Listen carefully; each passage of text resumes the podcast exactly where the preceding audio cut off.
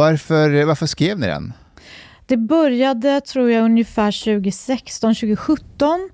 Eh, jag var på eh, och bodde några dagar på det här Snillepanget som vi beskriver. Den här platsen, det här hotellet i södra Dalarna. Som, eh, där alltså den intellektuella eliten i Sverige hängde i mitten av 1900-talet. Och eh, det är ett väldigt gammalt samhälle från 1600-talet eh, eller ännu äldre. Ehm, och när man gick där, det här var på vintern, så var det ju tydligt att nästan alla som man mötte utomhus var från andra länder och långt bort ifrån helt enkelt. Och eh, som då, jag skulle inte säga att jag precis är någon utpräglad 08 egentligen, men då kom funderingarna för mig att liksom, oj, det här är det är en ny befolkning och det är än, än vad den var tidigare i de här samhällena. Och man, jag undrar hur det här eh, har påverkat människor. Så att mina tankar började så. Och så kände jag att det här kan bli någonting, men då vill jag ha bästa möjliga sällskap. Och då eh, frågade jag Katarina om hon ville vara med. Vi känner varandra från forskarutbildningen i statskunskap i Uppsala sedan 90-talet. Och jag var faktiskt Katarinas fadder. Oj. Och, och är. Ja. eh, nej, men vi turas om lite, vi känner varandra väl, så vi turas om att vara lite stora syster och lilla syster sådär. Men eh, när Katarina och jag träffades första gången så efter två minuter så kom vi på att vi båda var frankofiler och älskade fransk litteratur, franska filosofer och, och fransk politik också. Intresserade oss. Men ni är båda statsvetare? Ja. På pappret. Vad innebär alltså, det? ja, alltså det är vårt yrke, eller vad man ska säga. Det, ja. det är, vi är båda disputerat eh, i statskunskap. Och Katarina stannade kvar i, eh, i akademin medan jag blev reporter. Men mm. har man liksom formats en lång tid så är man nog statsvetare, sitter ganska djupt i en ändå. Ja, och för mig är det nog så, det är där, därav det här på pappret, alltså att jag, och där tror jag vi är lite olika, att jag tror att du är mer statsvetare än vad jag är. Jag har tror du? Ja, jag tror det. Jag har alltid känt mig, apropå det här, jag har alltid varit intresserad av det här med att känna sig utanför och främmande och sådär.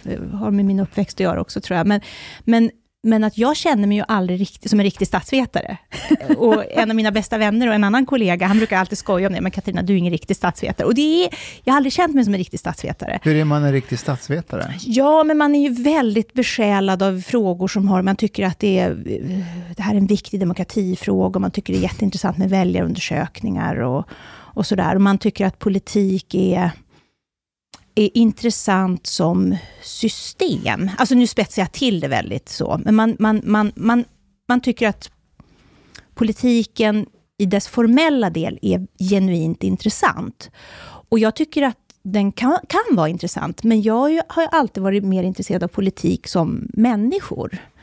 Så att det var ju det, när jag fick den här frågan från Sissi så nappade jag ju direkt. Dels för att jag tycker så mycket om Sissi och, och, och vi känner varandra och jag litar på Sissi och så. Eh, men dels också för att jag har varit så intresserad av de här frågorna. Jag har forskat om kultur eh, inom ett land, hur stora skillnader det kan vara. Bara inom riksdagen kan det vara väldigt stora skillnader. Så, eh, och jag har också skrivit ganska mycket om såna saker som har att göra med populism och och kulturfrågor överhuvudtaget. Och, och väl alltid varit lite förundrad över det här med, som vi tar upp i boken, att, att kultur är så ett ämne som är så svårt att tala om. För jag tycker så här, men det är självklart. Och det är ju jätteintressant att det finns olika kulturer. Och att man måste kunna resonera om det utan att det. Så jag blev väldigt glad när, när Cissi approcherade mig. Jag var ju då, jag har ju bott länge i Uppsala, jag har bott lite i Stockholm också, men jag är ju från Borlänge, så jag är ju från den här delen, det här, så det närmaste nu Sverige kommer ett rostbälte. Du, du sa att du, du kan relatera till att känna sig utanför. Mm. Att ha med du, när du växte upp att göra. Kan du berätta mer? Ja, men jag växte upp i Borlänge och Borlänge är en utpräglad arbetarstad. Ehm, en gammal bruksort. Ehm, och jag hade inte alls den bakgrunden. Utan jag växte upp, min mamma hon kom från man säger, högre borgerskap så. Men hon var utfattig, för hon var sjukpensionär, så vi hade aldrig några pengar. Så att vi hade liksom det här, vi hade väldigt mycket böcker hemma och antikviteter från mammas då, bakgrund.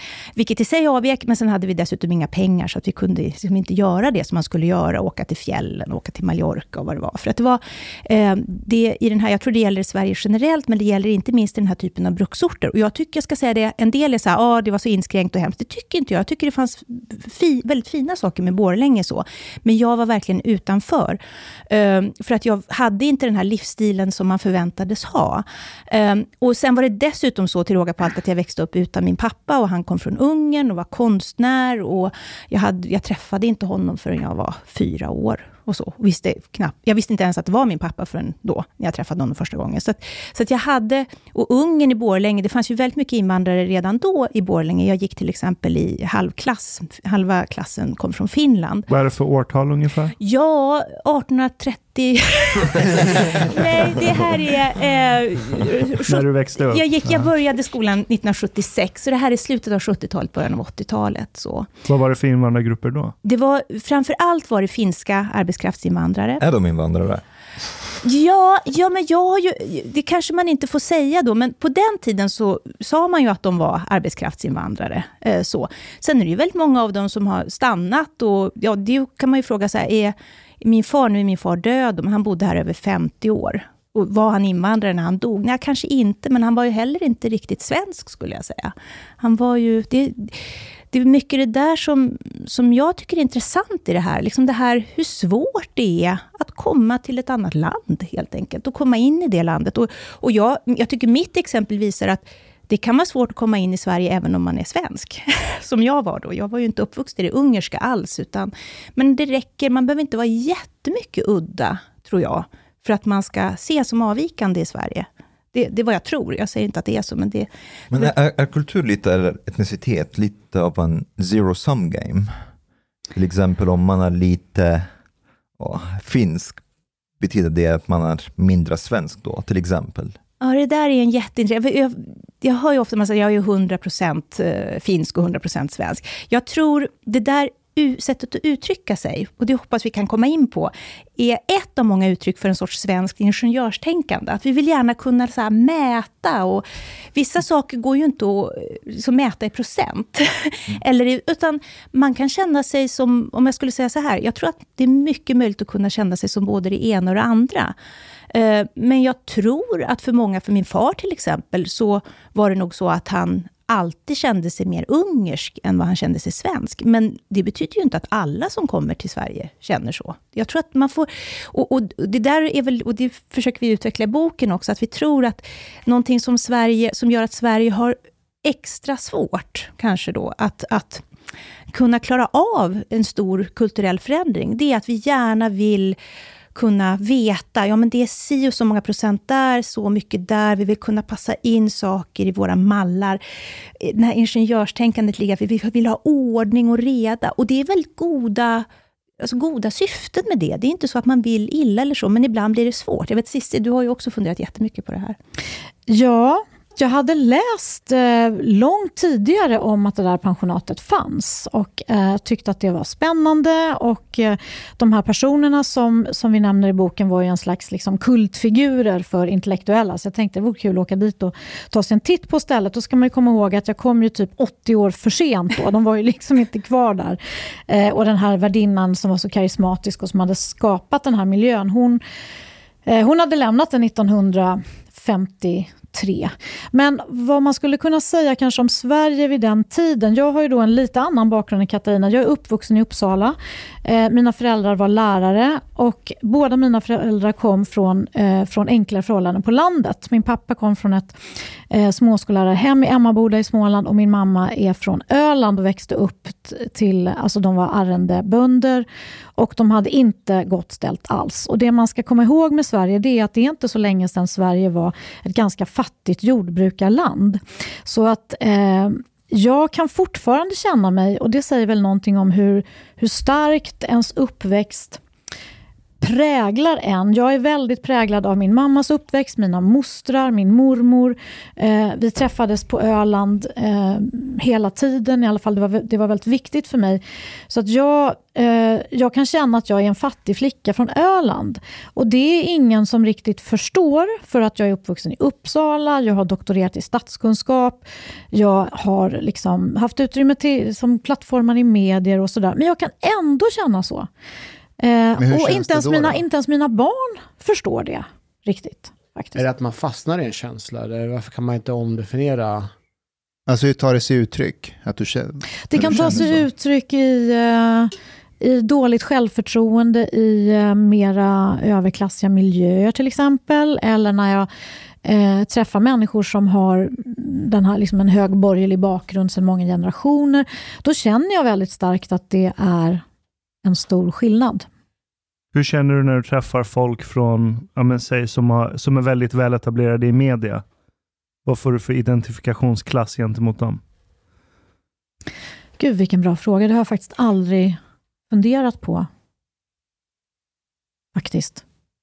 Tänker kan- du på någon särskild? Eller Nej, jag, jag mig tänker bara exempel? att, för, för du berättar ju att du känner dig som en fattig flicka från Mm, Öland, mm. vilket du en gång vart rent i praktiken. Ni hade inte så mycket pengar. Du, du, eh, Inte men, jag, utan min familj. Din egentligen. familj, precis. Så det här kommer längre tillbaka ifrån än mitt eget liv. ja, men sen har du ändå, för att Sverige är som det är, Mm, kunnat klättra upp, disputera i statsvetenskap, Mm. eh, få plattformar i medier som du säger. Ja. Eh, och jag tänker att, jag undrar om klassmobiliteten i Sverige eh, gör att det blir mer konflikter här eh, än det behöver bli i andra länder. Vad menar du med klassmobilitet? För att du kan förflytta dig mellan klasser hyfsat enkelt i Sverige, tycker jag. Men varför är det en konflikt då? Nej, men för att du, du kommer från en stans och så kan du jobba dig upp och bli en del av en elit. Ja. Så det finns mycket mer yta för förräderi när det gäller klass på ett sätt i det här landet. Mm.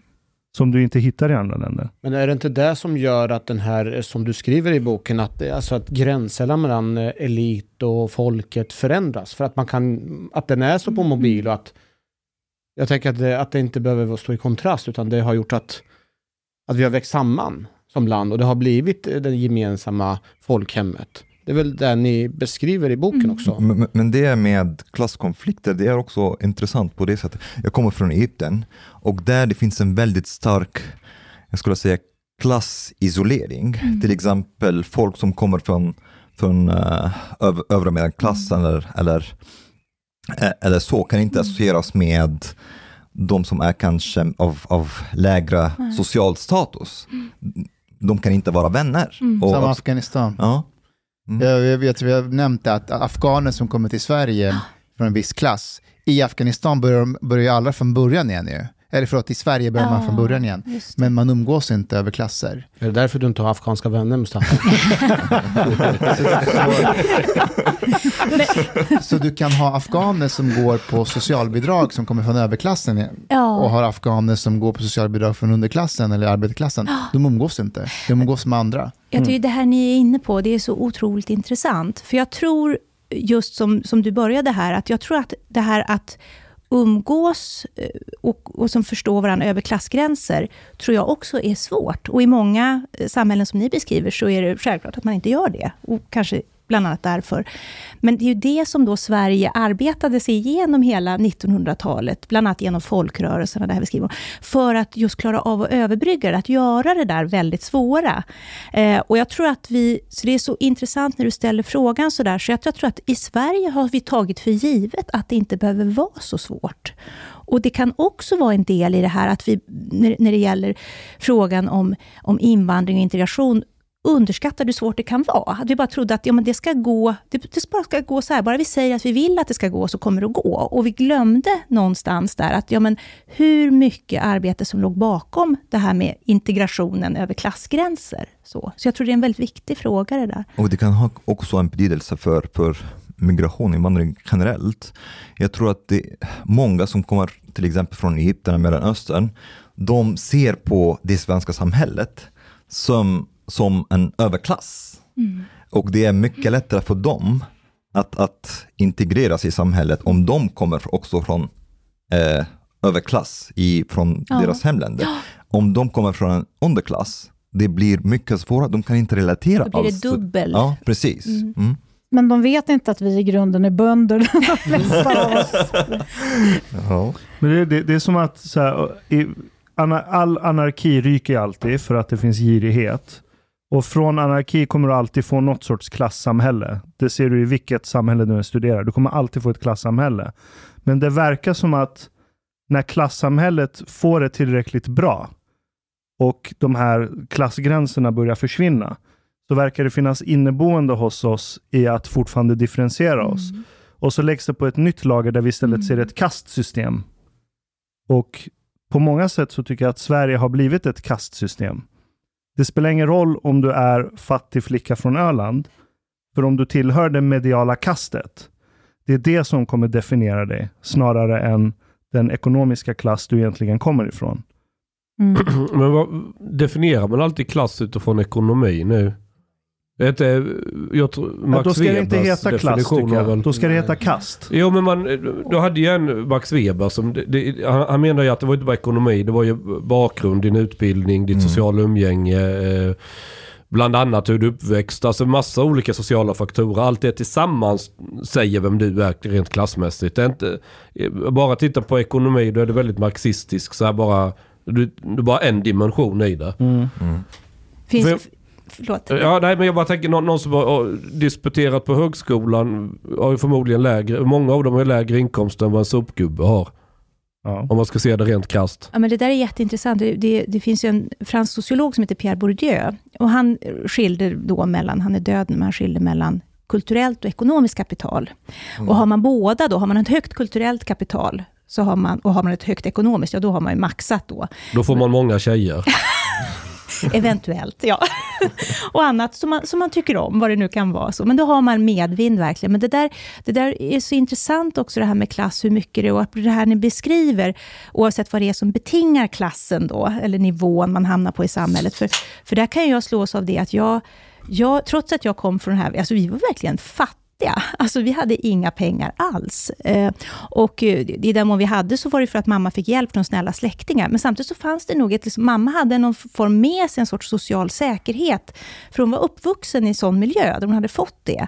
Och det där tror jag smittade av sig på mig, så trots att mamma hade gjort en sorts klassresa neråt då, man får använda det uttryckssättet, från det övre borgerskapet till nästan trasproletariat. Och och det där tror jag jag har med mig på lite olika sätt. Så jag har liksom aldrig, jag vet man beskriver ofta det här att klassresenärer då känner alltid en osäkerhet och så. Och den klassresenärskapet kan ligga långt tillbaka, precis som du beskriver Sissi.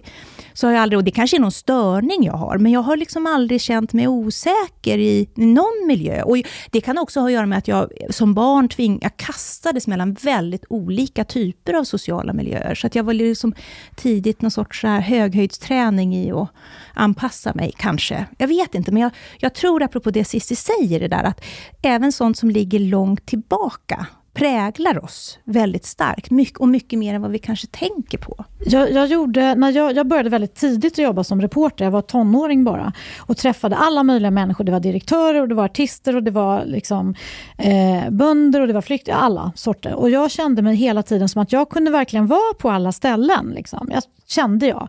Jag var klass och miljööverskridande.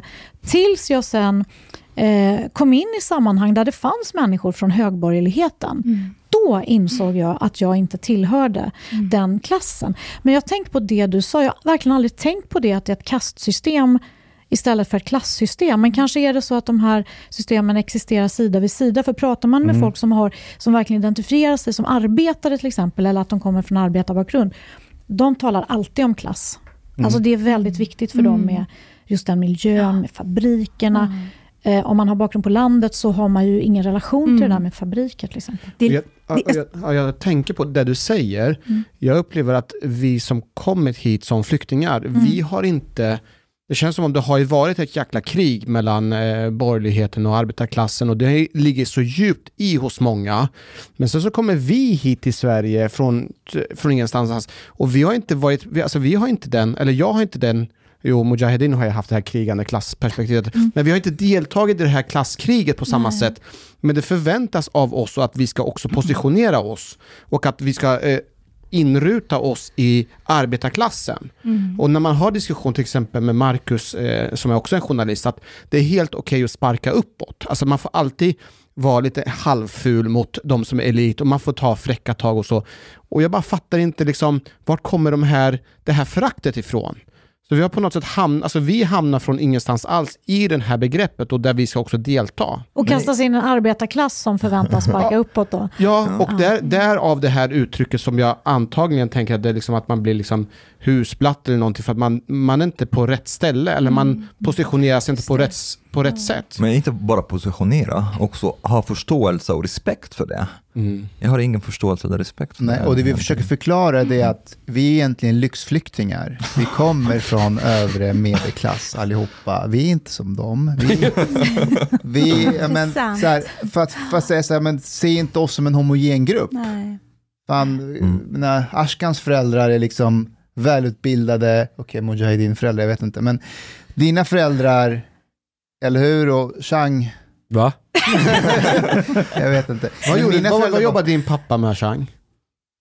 Han jobbade inte, eller jobbade, han, han handlade mycket maskin och bilar. Han var rätt förmögen men betalade aldrig skatt.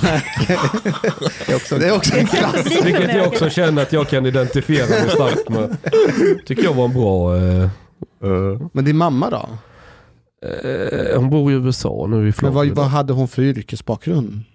Nej, hon jobbar lite på Ikea ett tag och sen lite, nej, lite blandat. Plugga på högskola. Det var nog inget så speciellt. Okej, ja. Men min- min uppväxt påminner en hel del om din Katarina. Uh, för, för min mamma till exempel, hon kommer från uh, men överkla- någon sorts överklass i Teheran Iran. Och så gick vi från det till att mina föräldrar fick liksom ransonera rapsolja för att få ma- budgeten att räcka till. Men av, på, på något kulturellt sätt så har, har vi alltid så här fått berättelsen om att nej men, vi är fina, vi kommer från någonting fint. Och jag måste vara ärlig, jag har växt upp med idén om att ja, men, vi är lite finare än alla andra. Den har funnits Typiskt inom... iranier. Det är typiskt väldigt iranskt, i alla fall den vågen av iranier som kom då. Eh, Så jag har ju aldrig identifierat mig som någon arbetarklass, fastän mina föräldrar var bokstavligen arbetare väldigt lång tid när de precis kom hit. Så jag har aldrig identifierat mig med den. Men identifierar eh, dina föräldrar sig som svenskar eller inte? Mm, jag vet inte. Ja. Det var länge sedan jag frågade. Jag, kommer, jag vet inte vad de skulle svara på det idag. Mm. Cecilia, du Mm. pratar Nej, om det men jag måste bara säga Ja. så här, känslan då, ni berättar så här om er, så känner jag plötsligt så här, okej, här sitter jag nu med sex personer från överklassen. Nej, Det är, kanske, det är kanske så att jag ska gå ut, jag ska, Är, är, det- är jag ska gå ut och som det är, det är mina mjukisbyxor. jag kanske ska gå ut och rensa strömming helt enkelt. Eller? Jag jobbar med att få sten kastat på mig på dagarna. Så att det, Om, om vi struntar i klass så tror jag inte att någon av oss skulle anses tillhöra något högre kast i samhället. Nej. Och, och det var det jag tänkte på hela tiden medan jag läste boken. Att när jag läste så tänkte jag hela tiden kast. Mm, Intressant. För- Inte för att jag gick in med den. Jag började tänka för att jag kunde inte sätta mig in i de här situationerna och positioneringarna. Så jag bara, fan det måste vara någonting annat än just ja, men det här traditionella begreppet klass. Eh, Men jag är nyfiken, för, för den heter Saknad på spaning efter landet inom oss. Eh, och, och ni börjar just där i snillepanget. Mm. Eh, Varför börjar ni där när ni letar efter? Varför börjar ni med eliten i samhället när ni letar efter landet inom oss? Eh, därför att vi, eh, det, det var ett intressant ställe att börja eftersom precis här så eh, vi ser ju det som en slags urscen kan man säga, om man vill låta lite pretentiös. Det var här som eliten eh, vad ska man säga, gifte ihop sig med det folkliga socialdemokratiska projektet som ju var ett på något sätt hundraårigt frigörelse och jämlikhetsprojekt. Och som vi skriver i boken så är det ju ungefär 75 procent av alla i Smedjebacken som röstade på eh, Socialdemokraterna vid den här tiden. Men nu idag, eh, ett, ett och ett halvt sekel senare, så är det en stor del, nästan, nästan en fjärdedel, som röstar på SD.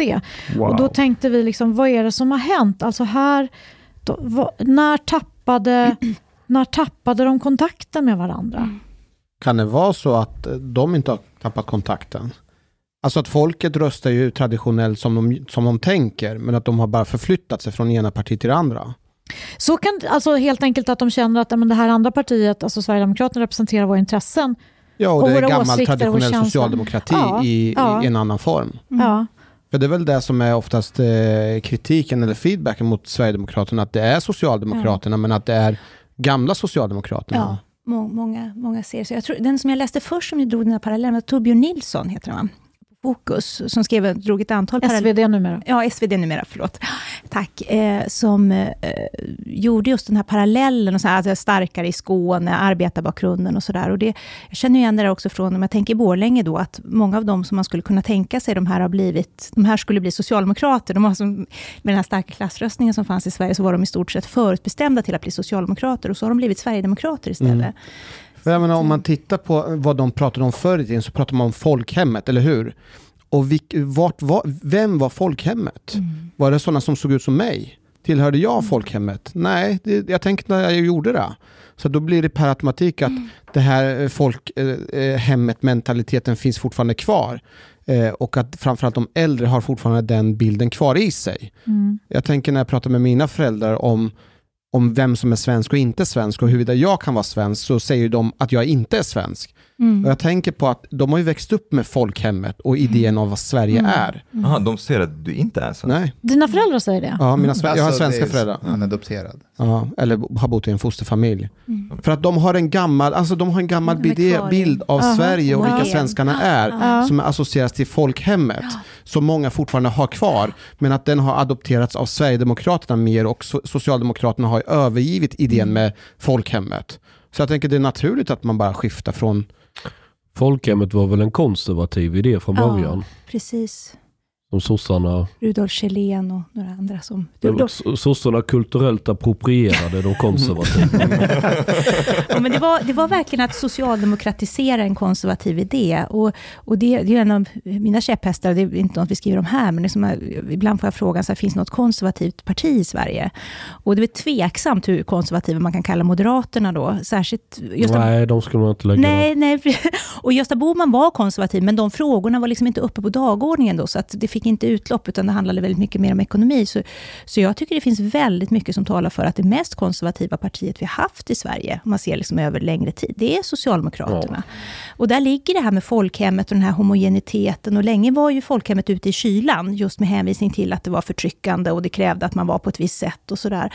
Uh, och det var ju väl ungefär tio år sedan som, som uh, Sverigedemokraterna började riktigt dra på det där med att liksom då appropriera från sin sida då mm. folkhemmet. Och då var det ju ingen konkurrens. Utan då var ju de ganska ensamma om att hylla folkhemmet. Men nu, det har ju verkligen förändrats. Och nu har man ju till och med eh, vänsterpartister som talar varmt om folkhemmet och inte minst socialdemokrater. Varför tror ni att det här enorma skiftet, för ni nämnde att ja, 75 procent av de som röstade där det här snillepanget, eliten samlades. Det var 75 procent socialdemokrater. I bygden ja. I bygden mm. där. Och, och, nu är det SD som börjar klättra upp och bli dominerande. Varför tror ni man ser det här skiftet i den svenska moderna kulturens kärna ske på landsbygden?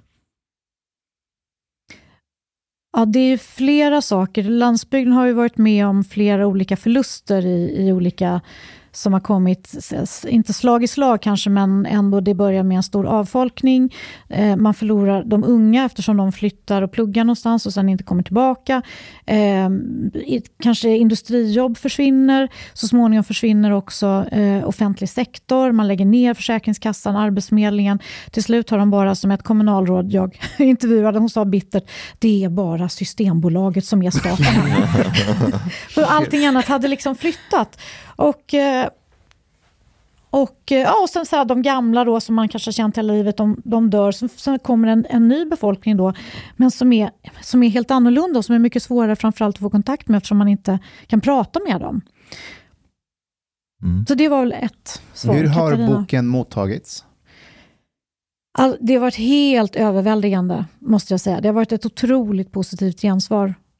Um, det är ju ett känsligt ämne, så vi visste ju inte riktigt hur det skulle landa, men uh, jag upplever att uh, många säger, som Vidar Andersson på Folkbladet var den första som recenserade boken. Han sa att han kände sig ungefär lättad och befriad och tyckte att det var skönt att någon kunde säga att man, det kan faktiskt vara så att man Eh, att man stöder flyktingarna, man känner stor medkänsla samtidigt som man tycker att Sverige har förändrats för mycket på kort tid, i alla fall på vissa ställen. Hur, hur tror ni att boken eh, hade mottagits för fem år sedan? Det är en jättebra fråga. Eh, alltså, jag har sett en del kommentarer att det hade blivit ett helt annat mottagande och även att jag hade bara för ett år sedan. Jag, Kanske, men jag är faktiskt inte helt säker på det. Alltså jag tycker jag har skrivit om liknande grejer många år. Eh, och även för längre än för fem år sedan. Och, och ibland kan jag fundera, men det kanske inte är någon som läser det jag skriver. Så. För jag tänkte, nu kommer det att bli. Men det har liksom inte blivit några... Så att jag tror egentligen... Alltså jag ska inte säga det, men jag tror att det är känsliga frågor, ja. Men jag tror att om man skriver om de här frågorna på ett sätt där man liksom inte markerar liksom en sorts krigsläge gentemot andra, mm. så tror jag människor kanske blir möjligen så här, ja, mer beredda att så här, sänka garden. Jag vet inte om det är så. Och vi kan ju aldrig veta hur det hade mottagits. Det enda vi vet är att vi, vi startade ju för fyra, fem år sedan med det här.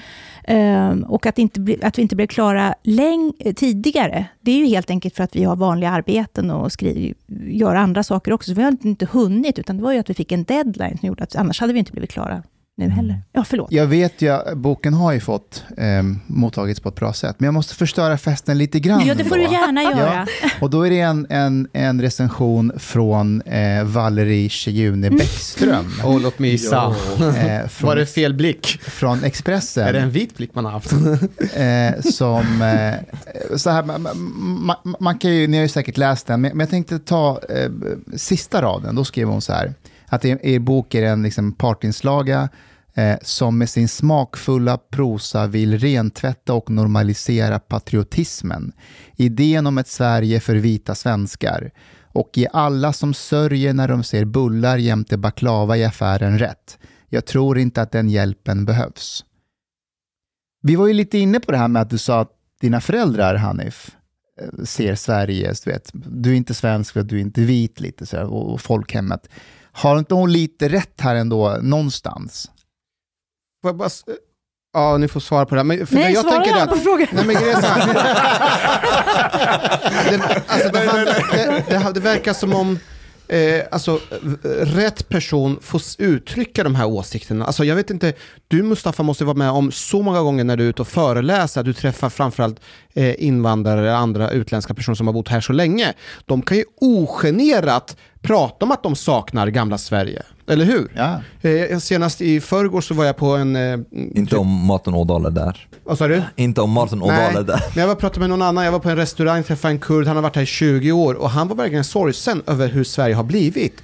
Och han sa, jag är ledsen, jag önskar att Sverige kunde vara som det gamla. Va? De senaste 5-10 åren, det har förändrats så mycket som jag inte ville ha. Men ni skriver om det, ni skriver om, om invandrare som, som saknar Sverige. Ja, som, som, det skriver som vi också om. Ja. Och, och, jag kunde relatera lite till, till det. Jag, jag har kommit till Sverige för 6-7 år mm. sedan.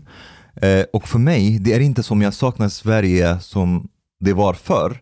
Det, det, det, det är, inget att referera nej, det, det är, ja, eh, exakt lite. Det är ännu mer meta. Jag saknar bilden av Sverige som jag hade eh, innan jag kom. Och vad var det, vad var det för bild? Så, eh, vad var blonda brudar? Nej, inte, inte det. Till, till, exempel, till exempel det med, med eh, att det skulle vara så svårt att, att kritisera islam till exempel. Mm. Jag är här för att jag har lämnat islam. Du kom till Sverige för att kritisera islam? Ja, ja, ja!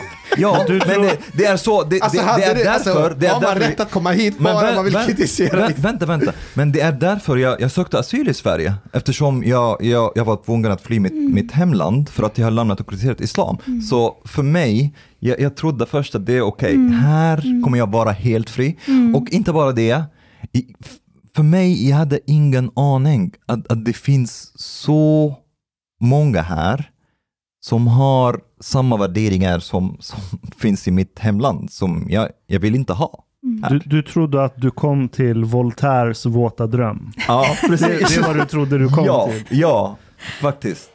Eh, och, och, jag saknar den bilden. Ja, men det, det, får mig att tänka på det här gamla, gamla skämtsamma uttrycket, till och med framtiden var bättre förr. Ja. det, men jag tycker det, det, det, är jättebra att du tar upp den recensionen, och, och, för balansen också, för att den ger också ett perspektiv på det hela. Och jag tyckte det var intressant att läsa den, alltså verkligen. Sen tror jag vi hade tyckt, det är alltid svårt att veta hur man ska regera, men jag tror att hade alla recensioner låtit så, då tror jag vi hade blivit ledsna, för då hade vi ju känt framför allt att nej, men det vi vill säga har inte gått fram. För jag, jag tycker ju att hon har fel i det här att vi försöker rentvätta patriotismen. Eh, det är inte så. Utan det vi försöker göra är att vi försöker förstå vad det är som pågår. Jag skulle säga, är det någonting den här boken handlar om, mer än något annat, så är det Sverige. Eh, att försöka förstå Sverige, ungefär som ja, men i mitt fall när jag försöker förstå partiernas kulturer, så försöker vi här då förstå Sveriges kultur. Eh, och det betyder inte att det är enkelt och den ligger där på bordet och kan liksom läggas in i ett paket och definieras, utan vi försöker fånga in det här på olika sätt. Så. Ehm, och jag skulle säga att det är den bok som hon efterlyser här, den är nog skriven. Det finns en väldigt intressant bok som heter Vit melankoli, som vi också refererar till, som är skriven av Tobias Hübinette och Katrin, ska vi se, nu tappar jag namnet. Rik melankoli. Den, fi, den, finns i alla fall. Den Varför finns tänker alla... jag på bandet Kent? den finns i referenslistan, ska vi säga. Så. Ja, precis. De är eh, kritisk vithetsteori, va? Ja, är ja, så det är ju väldigt mycket som vi inte är överens med dem om. Men det som är intressant i den boken, det är att det finns likheter ändå mellan våra slutsatser, skulle jag säga, i, i den boken och den här boken. Alltså det här att, att för att uttrycka det liksom väldigt grovt och förenklat då, att vi tror att Sverige har överskattat sin förmåga att bejaka olikheter.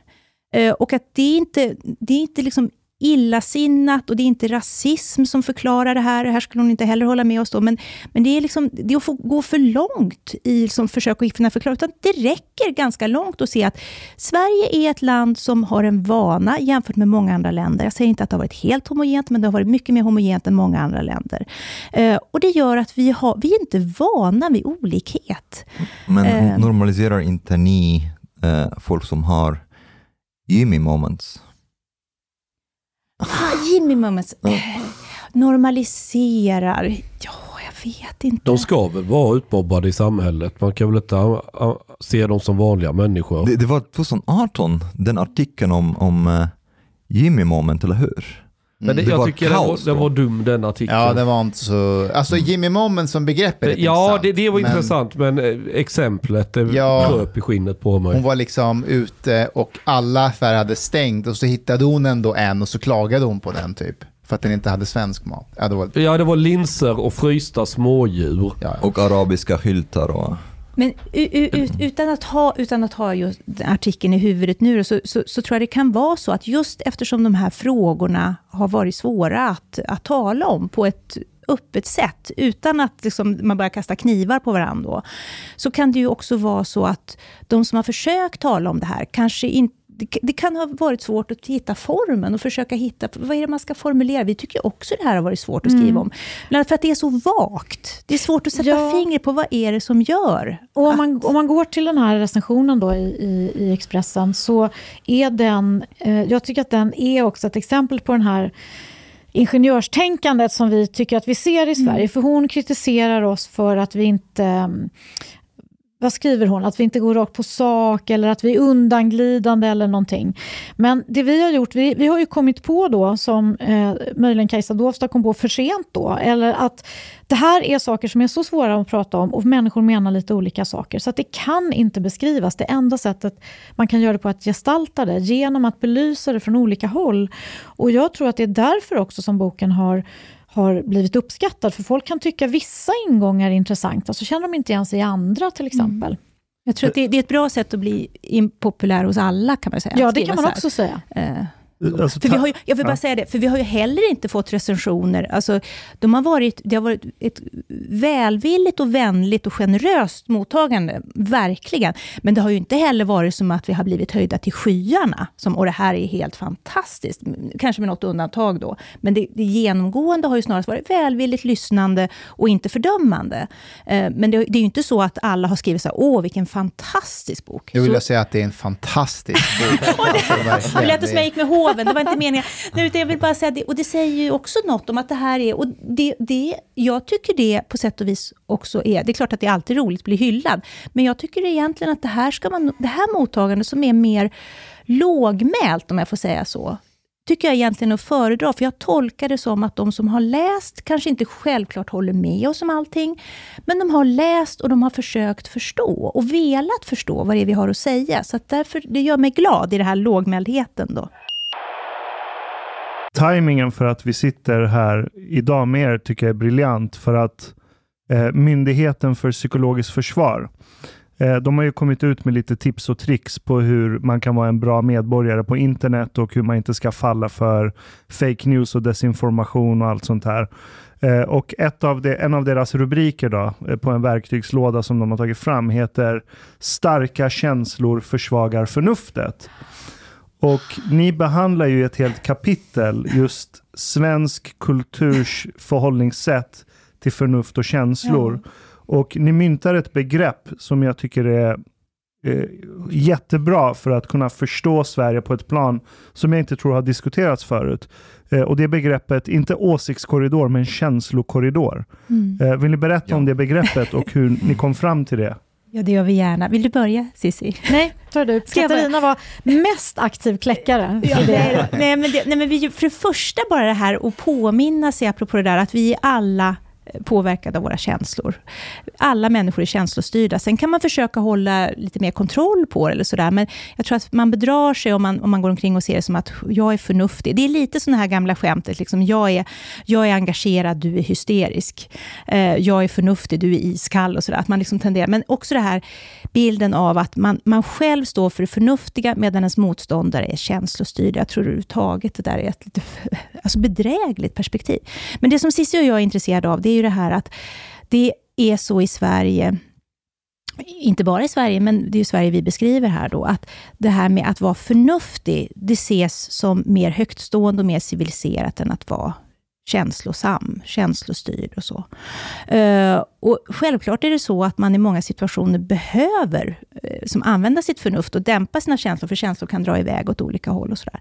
Men att gå därifrån till att liksom alltid ha det här fördömande perspektivet på känslor, eh, tror vi är både bedrägligt och kanske också riskerar att, att förstärka eventuella negativa känslor på ett sätt som kan till och med vara farligt. Då.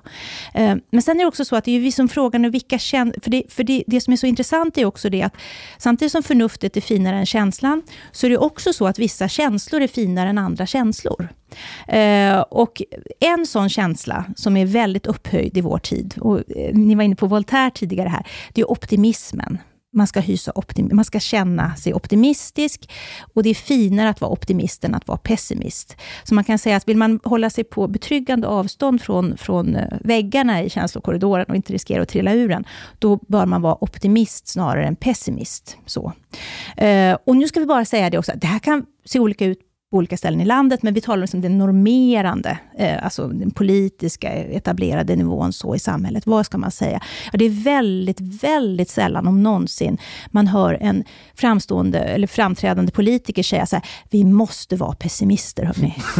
jag, jag, vet inte om det någonsin, eh, utan det är liksom, man måste vara optimist. Då är man i, i, liksom inom känslokorridoren. Och, och förändringsbenägen. Och förändringsbenägen. Och utvecklingsbejakande. Av någon anledning så tänker jag på Fredrik Reinfeldt, eh, Annie Lööf.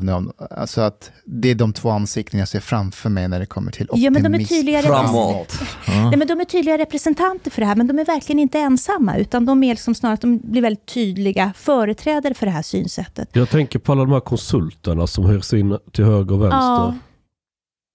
De, ja, absolut. absolut. De är väldigt duktiga på ordbajsa, hitta på sådana här massa begrepp som ingen förstår. Det låter fint men betyder inget. Man kan säga att konsultvärlden är full av de här normerna. Alltså det här är verkligen det här är normen i samhället. Än en gång, det betyder inte att alla känner sig, utan det betyder så här bör man känna om man liksom ska visa att man är en upplyst person. Och det vi tycker är så intressant då, det är ju det att optimism då, om vi tar den, den liksom inställningen, som mycket väl kan vara väldigt känslostyrd lika mycket känslostyrd som det här att vara pessimist, så är det som att den är en sån fin känsla att den ses som förnuftig. Och här, det här bottnar ju då i mm. Voltaire och franska, alltså, eller upplysningstiden, och den här idén om framsteget och Immanuel Kant och den eviga freden. Och det finns liksom så djupt i vårt samhälle, i, den, i, liksom i liberalismen i vid mening, då, inte bara folkpartismen, utan liberalismen och i upplysningstänkandet. Det är så präglat av både förnuftstänkande och optimism, att de här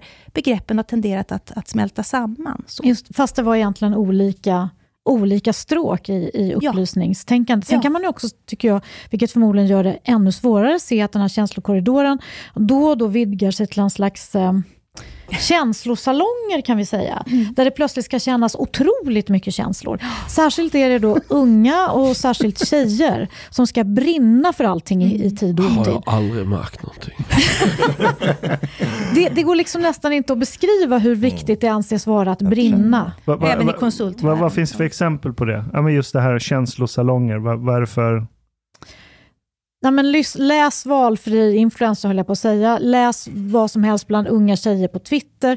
Jag har själv suttit med och eh, delat ut eh, stipendier till duktiga kvinnliga studerande. Och, eh, och där är det ju så att varenda, det spelar ingen roll hur mycket de kan eller hur mycket liksom, akademiska grader de har, men det är brinnandet som det står om på första raden. Man kan även gå in på LinkedIn, vilket är ett intressant socialt medium. Det är väl kanske det längsta man kommer från Flashback. Vi skriver lite om Flashback här. Alltså, och där är det ju väldigt många som brinner. Mm. brinner, för, brinner för välplanerade stadslandskap, brinner för ja, allt vad ni vill. Så. Jag tänker på när det var eh, presskonferens med Magdalena Andersson. Så fick hon ju också en fråga från reportern. Eh, vad är det för känsla? Hur känner du? Du ser så allvarsam ut. Ah. Och det var så viktigt att just eh, känslor, mm. att, att, att, få fråga just om känsla. Mm. Känner ni av på något sätt det ni beskriver, den här känslokorridoren? Hur är ni påverkade av det? Hur tar det sig uttryck hos er två? Men hon ser rätt optimistisk Katarina. Ja. Jag är i den här konstiga situationen att jag, jag börjar inse det. Så att har nog ett optimistiskt drag i mig. Men jag är ju, samtidigt som jag tror många i min omgivning ser mig nog som ganska svartsynt och sådär. Men jag är ju sådär så att jag tycker att ja, men det är väl jättebra att ta, ta höjd för att värsta möjliga kan hända och så blir man ju glatt överraskad varje gång. Och, och, det är också ett sätt att förebygga det värsta, att tänka så. Men jag Annars, tror... behöver du hjälp så kan vi bota din optimism. ja, det låter härligt, tack snälla. Cecilia? Nej, men, eh... Du, det var en otroligt optimist. svår fråga. Vad tycker du, Katarina? Katarina säger att hon aldrig någonsin har jobbat med en person som är mer självkritisk än hon själv. Eh, så det är möjligt att jag är mer eh, liksom, kritisk, mer svartsynt, mer pessimistisk än du. Men det är bara en del av mig i och för sig. Men jag uppfattar Cissi som en enormt optimistisk och ljus person. Och den enda gången jag uppfattat att jag har varit mer optimistisk än dig Cissi, det är under skrivandet av den här boken. För jag har känt att nej men det här blir jättebra Cissi. och Cissi bara, nej, hur ska det gå? men jag tänker så här, ni beskriver så fint i boken, det är just att att man, man ska inte tänka på det som har varit, utan mm. man ska tänka framåt. Mm. Och det är det förnuftiga och sådär. Men kan det finnas någon poäng i att man inte ska... Men så här, ibland känner ni av om ni träffar någon som kanske pratar för mycket om hur det var bättre förr. Mm. Att man då nästan känner sig tvungen att säga, men vad då bättre förr? Vet? Det var ju homosexualitet var en sjukdom och kvinnor inte hade samma rättigheter. Och, Puniska krigen. Mm. Ja, men så, det är som att det, nu gnäller du lite för mycket på att mm. det var bättre förr. Jag vet inte, vi skriver ju om det där och hur vi tycker att det där uttrycket eh, det var bättre för i ett slags inshallah, liksom, eller en religiös markering för, för moderniteten, att man alltid ska säga Har jag tröttnat på sådana människor? Jag vet inte om jag har råkat ut för sådana som liksom eh, säger det hela tiden. Men det jag beskrev just det här med, med barnen och det, det här att jag fortfarande kan känna den fattiga flickan från Öland inom mig fastän jag inte någonsin jag själv har varit en fattig flicka på Öland. Och, för, och dessutom, min mamma då, som ändå var det en gång i tiden, är en extremt optimistisk person som aldrig mm. ser bakåt. Men mina barn, som sagt, de kan inte riktigt förstå hur det förflutna kan mm. spela roll. Liksom. Men de kanske är för unga. Men jag gillar också hur ni pratar om eh, språkets vikt för kulturen. Eh, och jag funderar ibland på det. Och för mig det är språk är kulturens kärna. På mm. ett sätt, det mm. som håller kulturen ihop. Mm. Eh, och jag funderade, till exempel, jag, jag tycker själv att jag kommer aldrig bli svensk. Och det är på grund av språket på ett sätt. Mm. För mig, mitt identitet mm. är språket som jag är mest flytande i. Mm. Så det är ja, egyptiska. Um, Eh, men ni pratar också om saknaden av, av en standardized språk. Mm. Eh, också när det gäller uttal och, mm. och sånt. Men, men tror ni att, att kulturen i Sverige kommer förändras på grund av en förändring i språket? Jag tror det. Jag tror att eh, den här fixeringen vid ett visst uttal, Mm. den tror jag definitivt är på, på, på utdöende. Så att just accenter och sånt, det, det, det kommer bli absolut mycket mer accepterat tror jag. Och vanligt överallt. Eh, men sen då att, att ändå kunna ha tillgång till språket, det, det säger ju vi att det är existentiellt viktigt med språket. Mm. Det är egentligen så man skapar ett, ett samhälle tillsammans. Och det är väl det som just är den stora oron då, hur många som inte eh, lär sig språket, får möjlighet att lära sig språket. Eh, den, eh, den uppgiften är ju... Då kan man ju faktiskt bli lite pessimistisk. Mm. Och det finns ett nytt språk på ett sätt som utvecklas i orten. Men är Eh, inte det mer en dialekt ändå? Ja, men ibland även på, på rättegångar, de har... De pratar nästan på ett sätt så att inte någon annan förstår. Exakt, Då de måste ha någon som översätter det. Mm. De säger, även de som kultur. Även är födda i, i. Sverige. intressant. Um, mm. Jag tänkte på, eh, när vi pratar om språket. Eh, det, det är ju, alltså, alla som vi sitter här tänker att det är självklart. Ni skriver i boken, Mustafa, du har tagit upp det i din bok, alltså hur viktigt det är med språket. Men ändå har det varit så mycket motstånd mot olika krav och förväntningar och tester just angående språk. Vad beror det på? Du menar tveksamhet inför språktest och sådär, Ja. eller? Så det är liksom när man har kommit så förslag med att man ska Ja. ha ett språktest eller språkkrav för medborgarskap så har man ju liksom, det har ju mötts med kolossal motstånd. Det var, Någonting som verkar vara så självklart. det var väldigt kontroversiellt. Jag minns då Lars Leijonborg Mm. första Ja, gången. Ja, det mm. var enormt kontroversiellt. Nu är det ju inte det. Alltså, apropå det, här det här med hur... Men det är ju inte så att andra länder inte också har känslokorridorer och åsiktskorridorer. Men i Sverige är det det här att de verkar svänga så snabbt. Liksom, plötsligt så säger jag, ja nu är det självklart så här. Men då var det ju inte det. Och, alltså man kan fundera över vad det där beror på. Jag tror en del har att göra med, jag är helt överens med det ni är inne på här, alltså att språken är, dels är den kärnan i kulturen.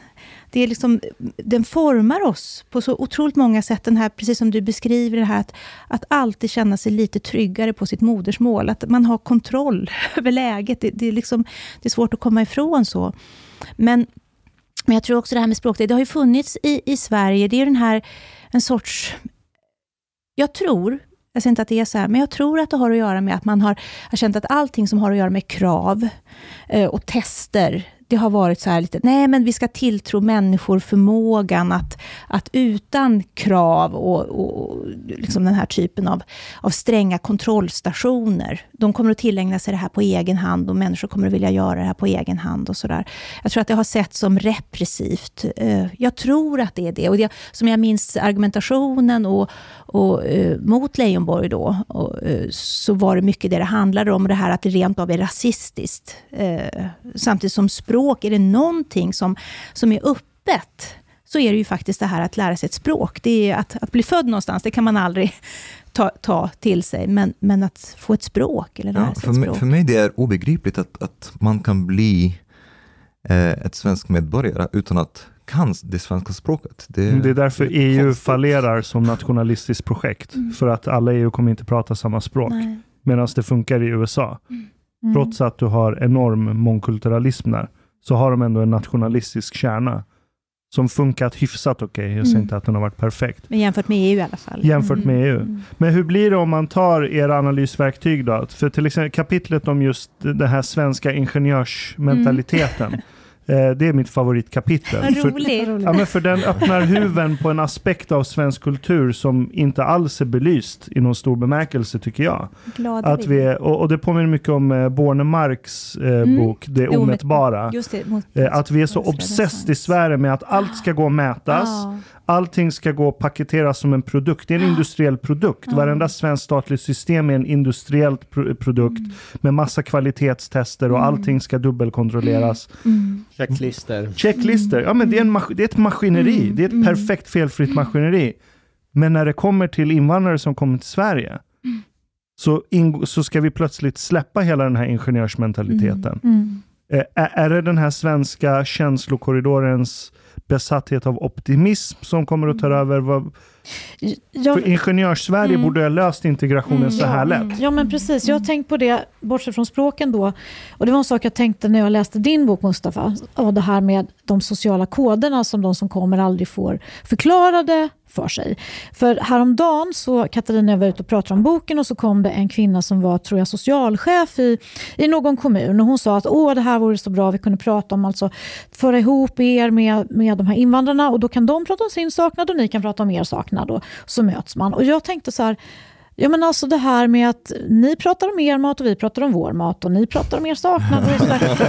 Alltså, problemet är inte problemet att vi inte riktigt pratar ärligt med varandra och därmed inte riktigt får reda på vad det är som ingenjören har för utgångspunkt egentligen. Jag skulle vilja att man till exempel, att man, om man tog ut Katarina och mig eh, någonstans eh, till en ort och sen så publiken där kunde, ska ha kunna ha tillgång till tolkar ifall de inte känner sig tillräckligt säkra på svenska och sen säga så här, och så, så, så skulle jag säga så här, vi vet inte, vi har så svårt att få syn på oss själva. Hur är vi egentligen? Och vad är det med, med oss som ni tycker är liksom extra, som är svårt eller speciellt och sådär? Och de skulle kunna Påfrestande. Så de kunde få säga det.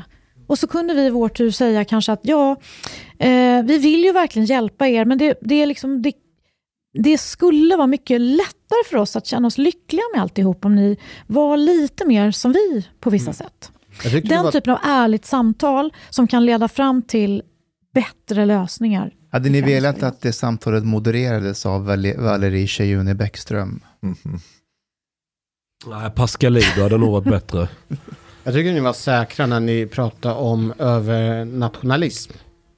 I boken? Ja, för jag uppfattar att det är just den här övernationalism som gör att, vi, alltså att det blir en krock. Ja. Vill ni förklara begreppet? Jag, menar, alltså, det- Det utgår jag, från- jag, jag kan börja. ja, jag kan ja, börja. Vi, vi, vi är som Piff och Puff. Så här. vi fyller på varandra hela tiden. Nej, men så här, vi, vi, övernationalism, I Sverige så har vi en bild av oss själva och har haft framförallt att vi är verkligen inte nationalister. Det, nationalism har varit väldigt, väldigt, och är fortfarande väldigt negativt laddat. Det förknippas med alltså att man vill invadera andra länder och att det är en väldigt aggressiv känsla. Um, och samtidigt så är det så att vi menar då att det finns en väldigt stark nationalism i Sverige. Och med det menar vi inget aggressivt alls. Eh, för det finns definitivt aggressiv nationalism och nationalism kan vara livsfarlig. Men det behöver inte vara det. Och den typen av nationalism som vi tycker oss kunna se i Sverige, den är inte farlig.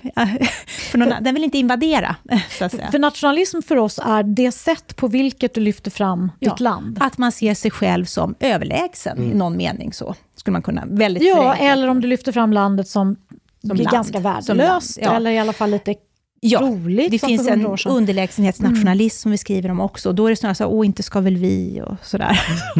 Men att man ser sig, man, man utmärks av någonting. Och den här övernationalismen då, själva ordet har vi lånat från Herbert Tingsten, som använde det när han beskrev mellan 1850 och 1950, så menade han att Frankrike präglades av en övernationalism. Och i övernationalismen ligger en föreställning om att man är så mycket bättre än andra. Det är kanske är det du tänker på. Man är så mycket bättre än andra att man inte behöver, vara, att man inte behöver lyfta fram sig själv som bättre. Utan att man tvärtom kan börja tala om att andra är ju väldigt bra. Och det är, lite, det är en sorts falsk ödmjukhet, där man behandlar andra lite grann som en förälder som kan säga så här till ett barn, åh vad fint du har ritat, så här, vad duktig du är, och så är det en sån här huvudfoting, och man ser knappt vad det är. Alltså lite det perspektivet. Och vi menar att det finns, eh, när man läser Tingsten, kan verkligen rekommendera läsning av Tingsten, för att det är som att han anar vid, när han skriver sin bok då, om Gud och fosterlandet, eh, slutet av 60-talet, så är det som att han anar att Sverige är på väg i den här riktningen. Det, han antyder det på olika sätt, men han har ju inte studerat Sverige. Han menar, och det är det här att man ser sig själv helt enkelt som, vi är mänsklighetens yttersta uttryck. Vi är liksom, vi är så här rikslikaren, eller eh, globalliknaren för hur en människa ska vara. Om man. Ja, ja, ja eller, eller normal. Alltså det, det, det är liksom... vi är normaltillståndet för det mänskliga. Och det tror vi också har att göra med det här då när det kommer människor från andra länder, så finns det någon sorts underförstått antagande om att alla kommer ju vilja bli som vi, eller bli som vi. Exakt. Mm. Utan Exakt. att ens vilja. Men- men är, är det inte det det här med- den här sekreteraren, eller vad, vem det var, att hon har den här mindsetet. Ja, om ni kommer dit och vi kan prata om oss och ni kan Ja, prata om ja, er och att vi kommer per automatik vilja bli som oss. Exakt, exakt. Och jag- ja. och sen, nej, men sen är det också det här att, för vi, eh, vi, vi skrev om det här med svensk kultur och att det är absolut inte, den finns ju inte och sådär. Och det har att göra Vi med... tycker inte det, men vi Eh, ja, refererar precis, det sägs många då, det säger att svensk kultur finns inte och inget finns och ingenting är egentligen svenskt och sådär. Det är på något sätt också, för att om det fanns något som vore svenskt så vore det liksom lite, lite fult. Det, vi är ju inte svenska, vi Nej. har ju inte en speciell kultur, Vi vi, står neutrala. över kulturen. Mm, just det, vi är Ja, men neutrala. det- Men jag tänker att den, den här, förlåt, men den här, den här övertron till sig själv, det är det som jag tror att ibland är det stora problemet ute framförallt i i förorten. Eh, framförallt från majoritetssamhället mot, minoritet, eh, mot de som är minoritet. Det är att i och med att man har den här mindsetet utan att man är medveten om det så kan man aldrig prata klarspråk. Eh, och ofta så kan man, när jag förklarar för ungdomar så förstår de exakt vad man menar när, när någon lärare eller socialsekreterare lägger huvudet lite på sned och säger ja ah, men jag förstår. eller som eh, Martin Ådahl i eh, Sverige säger så här, jag har verkligen stor respekt för din bakgrund och din historia men det här är Men du har fel. kamp. Det finns de som, ja, Martin Ådahl kanske, som tycker att det är att prata om kultur, att, är, är att generalisera, generalisera och på ett sätt att det finns många som, är, som kommer från den kulturen som inte känner igen sig Absolut. och, och sånt och eh, att det ökar fördomar och xenofobi kanske. Ja. Men också det är jättekonstigt, man kan inte prata om kultur egentligen på, tycker jag i alla fall, på individnivå. Man måste generalisera för att prata om Ja. kultur. Och om vi inte kan prata om kultur då, hur kan vi möta an, andra kulturer? Mm. Nej, men det, det är ju så. Det, vi, vi, alltså, vi ser, där är vi då möjligen naiva, men alltså, vi ser ju inget, det är inget förtryckande att tala om att det finns en svensk kultur. Det är ju snarare så att om man vet ungefär vad, vad många människor, någon sorts gemensam linje som finns, med alla undantag och avvikelser som kan finnas, så blir det ju lättare att komma in i ett samhälle om man vet vad som gäller, vilka normer som gäller. Och, och som, som, som vi var inne på det i början här, alltså, när jag beskriver min bakgrund så var ju jag, alltså att att jag kunde avvika, att jag kände mig avvikande, det var ju för att det fanns en kultur. Det var ju den jag liksom kände mig ibland, att jag stack av eh, från den. Och, och det finns liksom, och det är ett annat missförstånd som är återkommande, det är det här att om man säger att det finns en svensk kultur, så att det finns en svensk kultur och alla är, det finns inga, avvikande det finns liksom inga subkulturer. Det är klart det finns det också. Eh, men det vi är väldigt intresserade av är också det här normsättande, alltså att det finns ändå vissa liksom gemensamma normer om hur man ska uppträda och sådär. Och vi är också inne på det här att när man liksom verkligen upptäcker att det finns en kultur, eftersom kultur, det starkaste i den kultur, kulturen, det är ju det som man tar för givet, som ingen reagerar på. Eh, och eh, det gör ju att det är först när någon bryter mot det, det är då man upptäcker att jo, men det här verkar ju vara något så, kulturellt drag. Och ett sånt här, eh, när jag föreläser om kultur så brukar jag alltid dra det här, eh, jag tycker det är så fascinerande det här i, i, i en svensk tu- tunnelbanevagn eller buss. Att så sätter man sig inte bredvid en annan människa i en tom vagn. Man gör bara inte det. Och det är inte så att det här är unikt för Sverige. Det finns andra länder och kulturer där man inte heller gör det.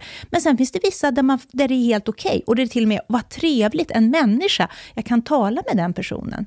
Men i Sverige blir vi, skulle vi bli rädda om någon kom och satte sig bredvid oss i en Fast lite skumt skulle det vara ändå. Om det var en helt tom vagn och någon kom och satte sig bredvid den. Ja, men det är det jag säger. Ja. Liksom att det är, men det är ju inte självklart för alla människor att det är skumt. Jag måste Inte berätta... i ytan, det är inte skumt i det ytan. inte? Nej. Jag måste berätta när jag var i Brasilien Ja. Ung. Eh, Jag åkte en sån nattbuss och när jag kliver på bussen så är det helt tomt.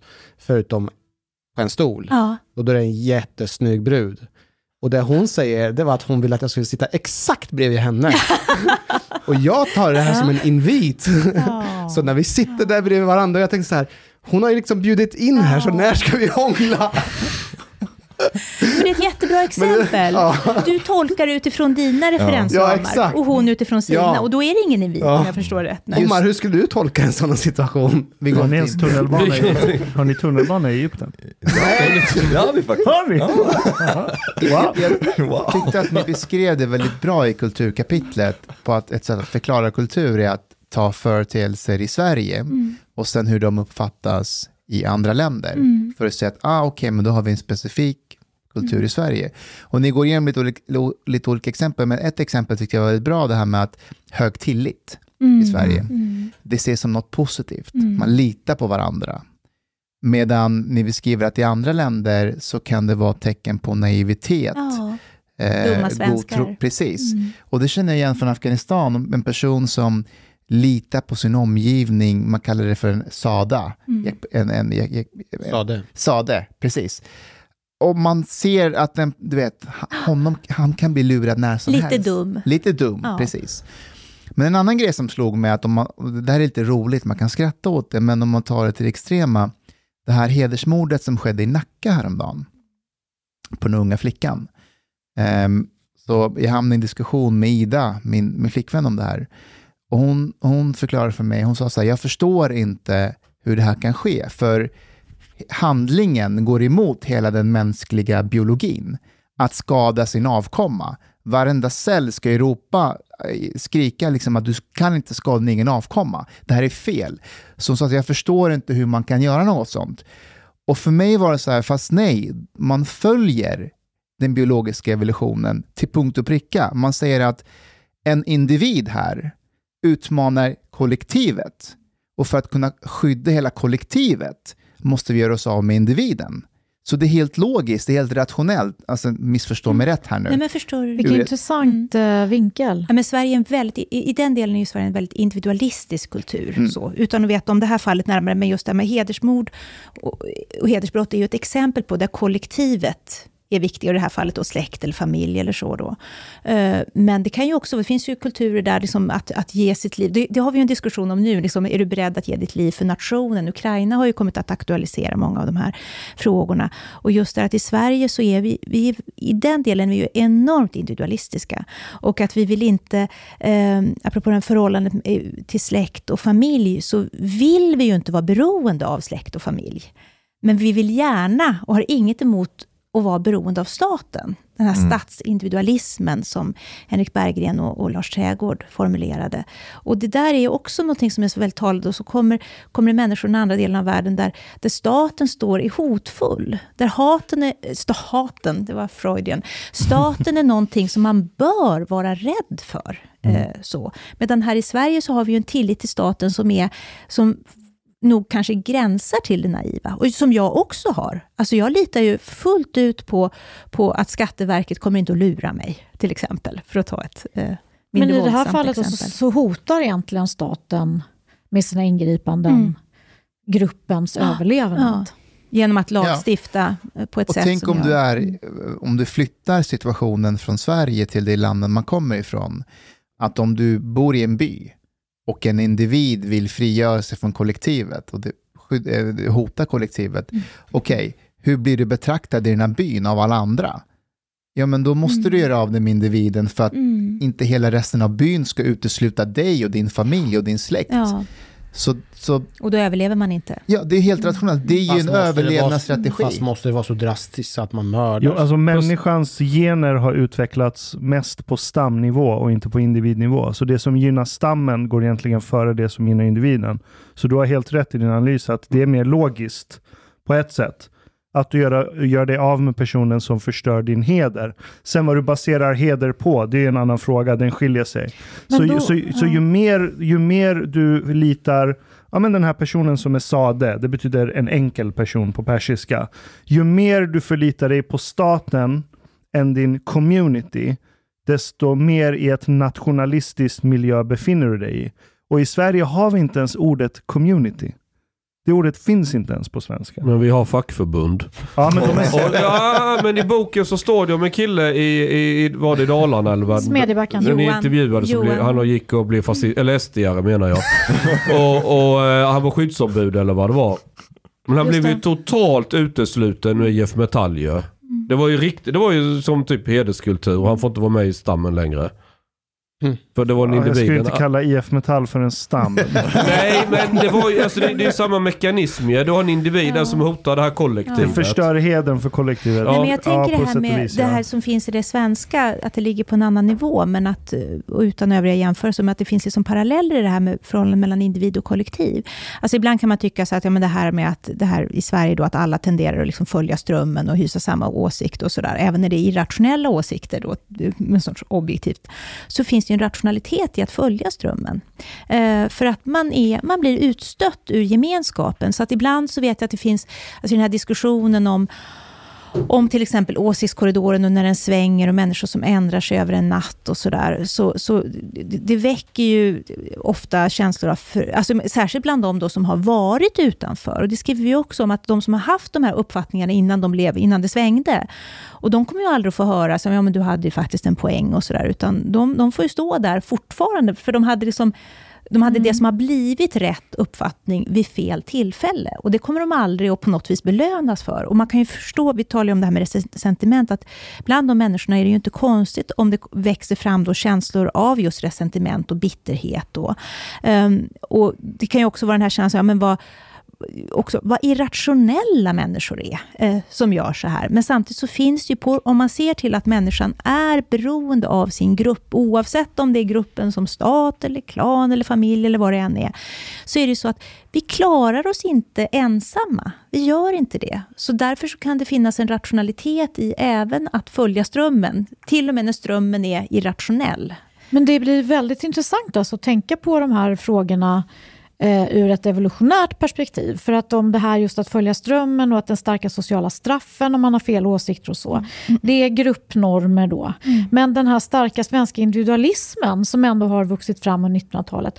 Vad är den evolutionära poängen med den? Vi vi ska inte underskatta människans förmåga att nästan blint lita på en annan person som tror på samma gud som dig själv. Så, så, länge, så länge du har kulturellt byggt upp ett narrativ som du har anammat och så stöter du på en annan människa som signalerar att den anammar samma sorts narrativ.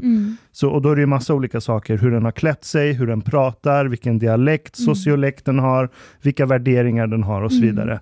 Då kan vi plötsligt lita på den och börja samarbeta med den. Och i Sverige har vi, vi har inte Gud säger vi, men vi har andra värderingar som mänskliga rättigheter och demokrati och alla de här sakerna. Moderniteten och Ja. individualismen då? Men, men, men finns Det är en den, sorts eh, Gud här i Sverige, det är det. Men finns den individu individualismen egentligen, eller det, är det bara en charad? Jag tycker, det, jag tycker att i, i Sverige det finns väldigt starka normer och, och värderingar som är väldigt kollektivistiska på ett sätt. Det, Ja. det är inte som att varje individ till exempel på, på, på gatan klär sig på en väldigt annorlunda sätt. Det, det är väldigt hög grad av konformitet. Fast när det faktiskt. kommer till vem- vad du ska plugga till, var du vill bo någonstans, vem Ja. du ska gifta dig med. Ja, där är på det inte sättet, ja. samhället som bestämmer. Ja, men, men fortfarande, det är väldigt mycket inom ramarna av, av normer. Men fortfarande. det, men det är så intressant, för någonstans är det, jag, jag håller med om att det finns, ju, det finns lite av allt. Och jag tror det är också Henrik Berggren och, och eh, Lars Trädgård som skriver om det i, i Är svensken människa, om det här med att alla samhällen handlar om att hitta en balans mellan frihet och trygghet, eller, vad man ska, eller samfällighet, så- community och individ. Sådär. Och I Sverige så har det liksom tagit sig uttryck genom att vi har blivit individualistiska på vissa sätt. Eh, och vi kan välja vår utbildning, tror vi i alla fall. Så, eh, vi, men vi, vi, har liksom, vi har på många sätt en stor frihet. Men det är som att det är kommunicerande kärl. Så att kanske är det så att det här att Sverige är så väldigt kollektivistiskt när det gäller det här med normer och att man ska ansluta sig till dem. Att det kanske är ett sätt att kompensera för den här stora friheten som vi har på andra områden. Och att det finns, liksom, det finns liksom inget samhälle som kan vara helt fritt individualistiskt på alla plan. Utan man på något vis får välja en, så, en del för individualismen. Och ger man människor väldigt stor då formell och ekonomisk frihet på olika sätt genom den här starka välfärdsstaten och ett tillåtande system, ja då måste vi kontrollera människor på ett annat sätt och då blir, kommer de här sociala normerna in som en sorts motkraft då för att balansera den här stora friheten som vi har. Men jag tycker dina tankar här om, om, om liksom evol den evolutionära synen på, på nationella identiteter är ju superspännande. För att om man tänker sig då att individualismen och moderniteten är är religionen. Och vad är det yttersta syftet, syftet då? Jo, men det är ju någon slags välstånd, tekniska framsteg mm. eh, som kan omsättas i eh, ja, men ni vet, ekonomisk tillväxt, utbredd välfärd, det är ju då ganska logiskt att moderniteten och individualismen liksom byggs ihop till, mm. en, till en religion som man sen kan mm. paradoxalt då, nog då knyta gruppnormer mm. till. Det finns ju stora likheter mellan ideologier och religioner. Och mm. Det är ju en sorts ideologi det här också, även om den inte ligger på vänster-högerskalan. Mm. Ja, det är absolut en ideologi. Jag, jag tror det är mer produktivt att inte kalla Sverige för individualistiskt, utan snarare gemenskapslöst. Mm, där vi har outsourcat all gemenskap till en institution och det är staten. Mm. Och när statens berättelse mm. och stora löfte mm. om det svenska självförverkligandet med Volvo Villa Vove, det vill säga nutidens himmelrike. När folk börjar misstänka att fan, det, det där lov, löftet verkar inte kunna hållas. Eh, då bryts ju det här, gemens då, då, kom, då fälls det ut massa nya gemenskaper. Mm. Och vi är ganska nya på det. Eh, men på internet tycker jag det är väldigt tydligt att det finns väldigt vitt avskilda gemenskaper nu som har radikalt olika mm, värderingar mm. kring vad landet Sverige ska betyda, vad det ska mm. stå för. Eh, ska du vara hemma med barnen mm. eller inte? Alla de här berättelserna har bara splittrats mm. i massa olika grupperingar. Mm. Alltså vi har väl väldigt mycket, alltså vi har ju, i Sverige har vi väldigt mycket gemenskap kopplat till föreningar. Var det inte ni som skrev i boken? Var det Lars Trädgård som har pratat om det? Folkrörelserna och det här och ja. folkbildningen. Jo, vi Och det är därför det är så svårt för många invandrare att komma in. För att många som bor här känner en gemenskap kopplat till en förening. Det kan vara en, men de håller på med konst eller mm. spelar fotboll och så. Medan om man kommer hit och inte är med i någon förening, då hamnar man utanför. Så det här föreningslivet har ändå en relevans tror jag. Ashkan. Fast hur många av er är med i en förening? Alltså jag är med i olika, jag är Shiba. jag är med på Shiba. Shiba Forum. Ja, men, ja, men du, du hänger på Shiba Forum på internet. Det är ju inte ett ABF-forum. Fast som... jag har varit med i Kennel och jag har kontakt med uppfödare. Och, och, men internet har, ja förlåt. Ja. Jag, jag tänker så att, att internet har kanske tagit en, över en del av det som folkrörelserna gjorde förr. Alltså det här att tala med varandra, att människor kommunicerar. Jag tänker bara på, jag menar där är ju jag, jag är ju liksom verkligen från, från uråldern eftersom jag inte kan det där, men jag ser på mina barn till exempel, hur bekväma de är i olika sådana här communityn och, och jag förstår ingenting av det. Men att det... det heter hatsvans. men alltså, och det är fören... ett hot mot demokratin. Men föreningslivet idag, det är egentligen en bidragstank. Där du vet att så här, ja, men ses ni och repar i en replokal så kan ni bilda studieförening. Mm. Och så får ni 600 spänn för äh, lägre hyra till replokalen det är ju mer åt det hållet den fun funktionen börjar gå mot. Än att det skapar en väldigt avgränsad identitet för dig själv. Nej, men sen så har du, alltså, jag tror i Sverige så känner man väldigt mycket gemenskap kopplat till jobbet tror jag också. Det är också en... Eh, mm, en viktig kopplat. grupp, ja. ja. Men, Arbetslinjen. Så att man har ju olika föreningar, alltså föreningar, jobb, så här, det, det, de grejerna skapar ju väldigt starka grupper. Och när du slutar på jobbet, mm. alltså jag märker själv att när jag börjar podda mer än att jobba som polis, då överger jag nästan lite grann av mina gamla vänner. Mm. Alltså det, blir, det, det, kommer per automatik. För då är det här intresseklubben som man har gemensamt, de har lämnat och då börjar jag hamna i andra fack. Så nu hänger vi tillsammans med andra som poddar och grejer. Och det blir nu en ny gemenskap. Men, men, men har folk i Sverige egentligen så olika värderingar? Eller är det bara det, olika tolkningar av verkligheten på ett sätt. Mm. Jag, jag, tänker till exempel, jag, jag, tänker ibland att det är lite överdrivet när, när folk säger att det finns väldigt stor polarisering i, i samhället eh, och att folk tänker så olika. Om, om man till exempel jämför hur folk tycker och tänker här i Sverige hur de tycker och tänker i Mellanöstern. Där finns det polarisering, där finns det mm. väldigt olika värderingar. Um, och sånt. Men... Till exempel, hur olika värderingar har egentligen Jimmy Åkesson och Annie Lööf? Alltså, Egentligen. De har väldigt ja. olika sätt att definiera det de... Men de talar ju om lite samma värden. Alltså ja. Båda talar ja, om det är viktigt de. med integration, men de definierar vägen dit på väldigt olika sätt. Så. Och demokrati och, och på ett sätt liberala värderingar även. Och det eh, vet jag ju mm. också, jag arbetade tidigare i riksdagen, man hade utländska gäster som satte sig och lyssnade på läktaren och lyssnade liksom från det här var innan Sverigedemokraterna kom in i riksdagen, men som från Vänsterpartiet till Moderaterna, de bara, men de är ju överens. De är överens om allting. De förstod inte, vad är, vad är skillnaden här?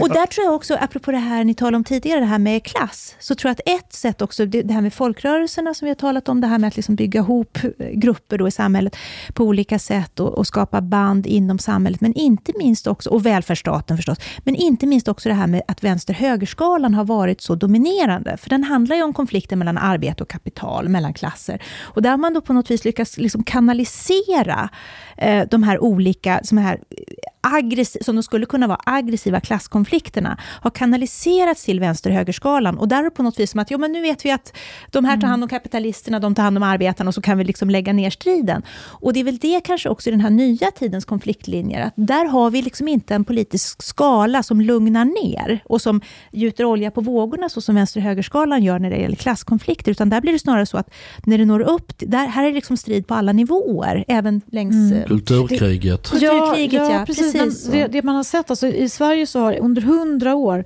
så har ända sedan rösträtten infördes egentligen, så har höger-vänsterskalan haft den största förklaringskraften. Mm. När man mm. tittar på vad människor röstar så tittar man på deras ekonomiska intressen egentligen. Det, förklarar, mm. det har förklarat nästan all röstning. Men sen har den här kulturdimensionen då kommit in. Och eh, 20, nu tror jag, se här, valet 2014 då kunde man fortfarande se att vänster-högerskalan var starkast. Eh, i valet 2018 så kunde man inte säga vilken som var starkast.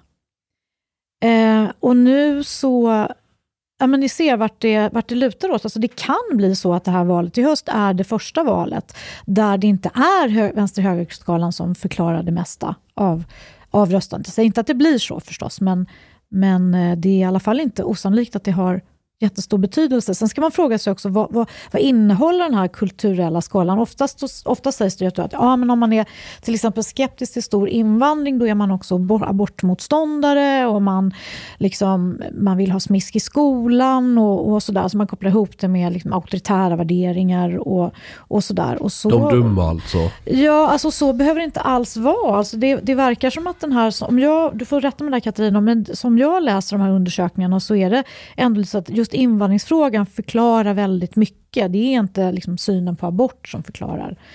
Eh, Men brukar man inte Galtan egentligen vara en omskrivning för god ond? Alltså det är, ju, det är så lustigt med Galtanskalan för att den har ju då, det är ett begrepp som kommer från forskningen eh, och handlar om partier. Jaha. Och även Men, hur man ser på internationellt samarbete? Eh, ja, det, det var liksom när, när EU det var EU-samarbetet, ja. man skulle klassificera partier. Men det här har blivit en, det är en forskarterm och Sverige är det enda landet i världen där Galtanskalan har liksom flyttat över till den allmänna diskussionen. Det är för att vi är landet normal. Ja, men,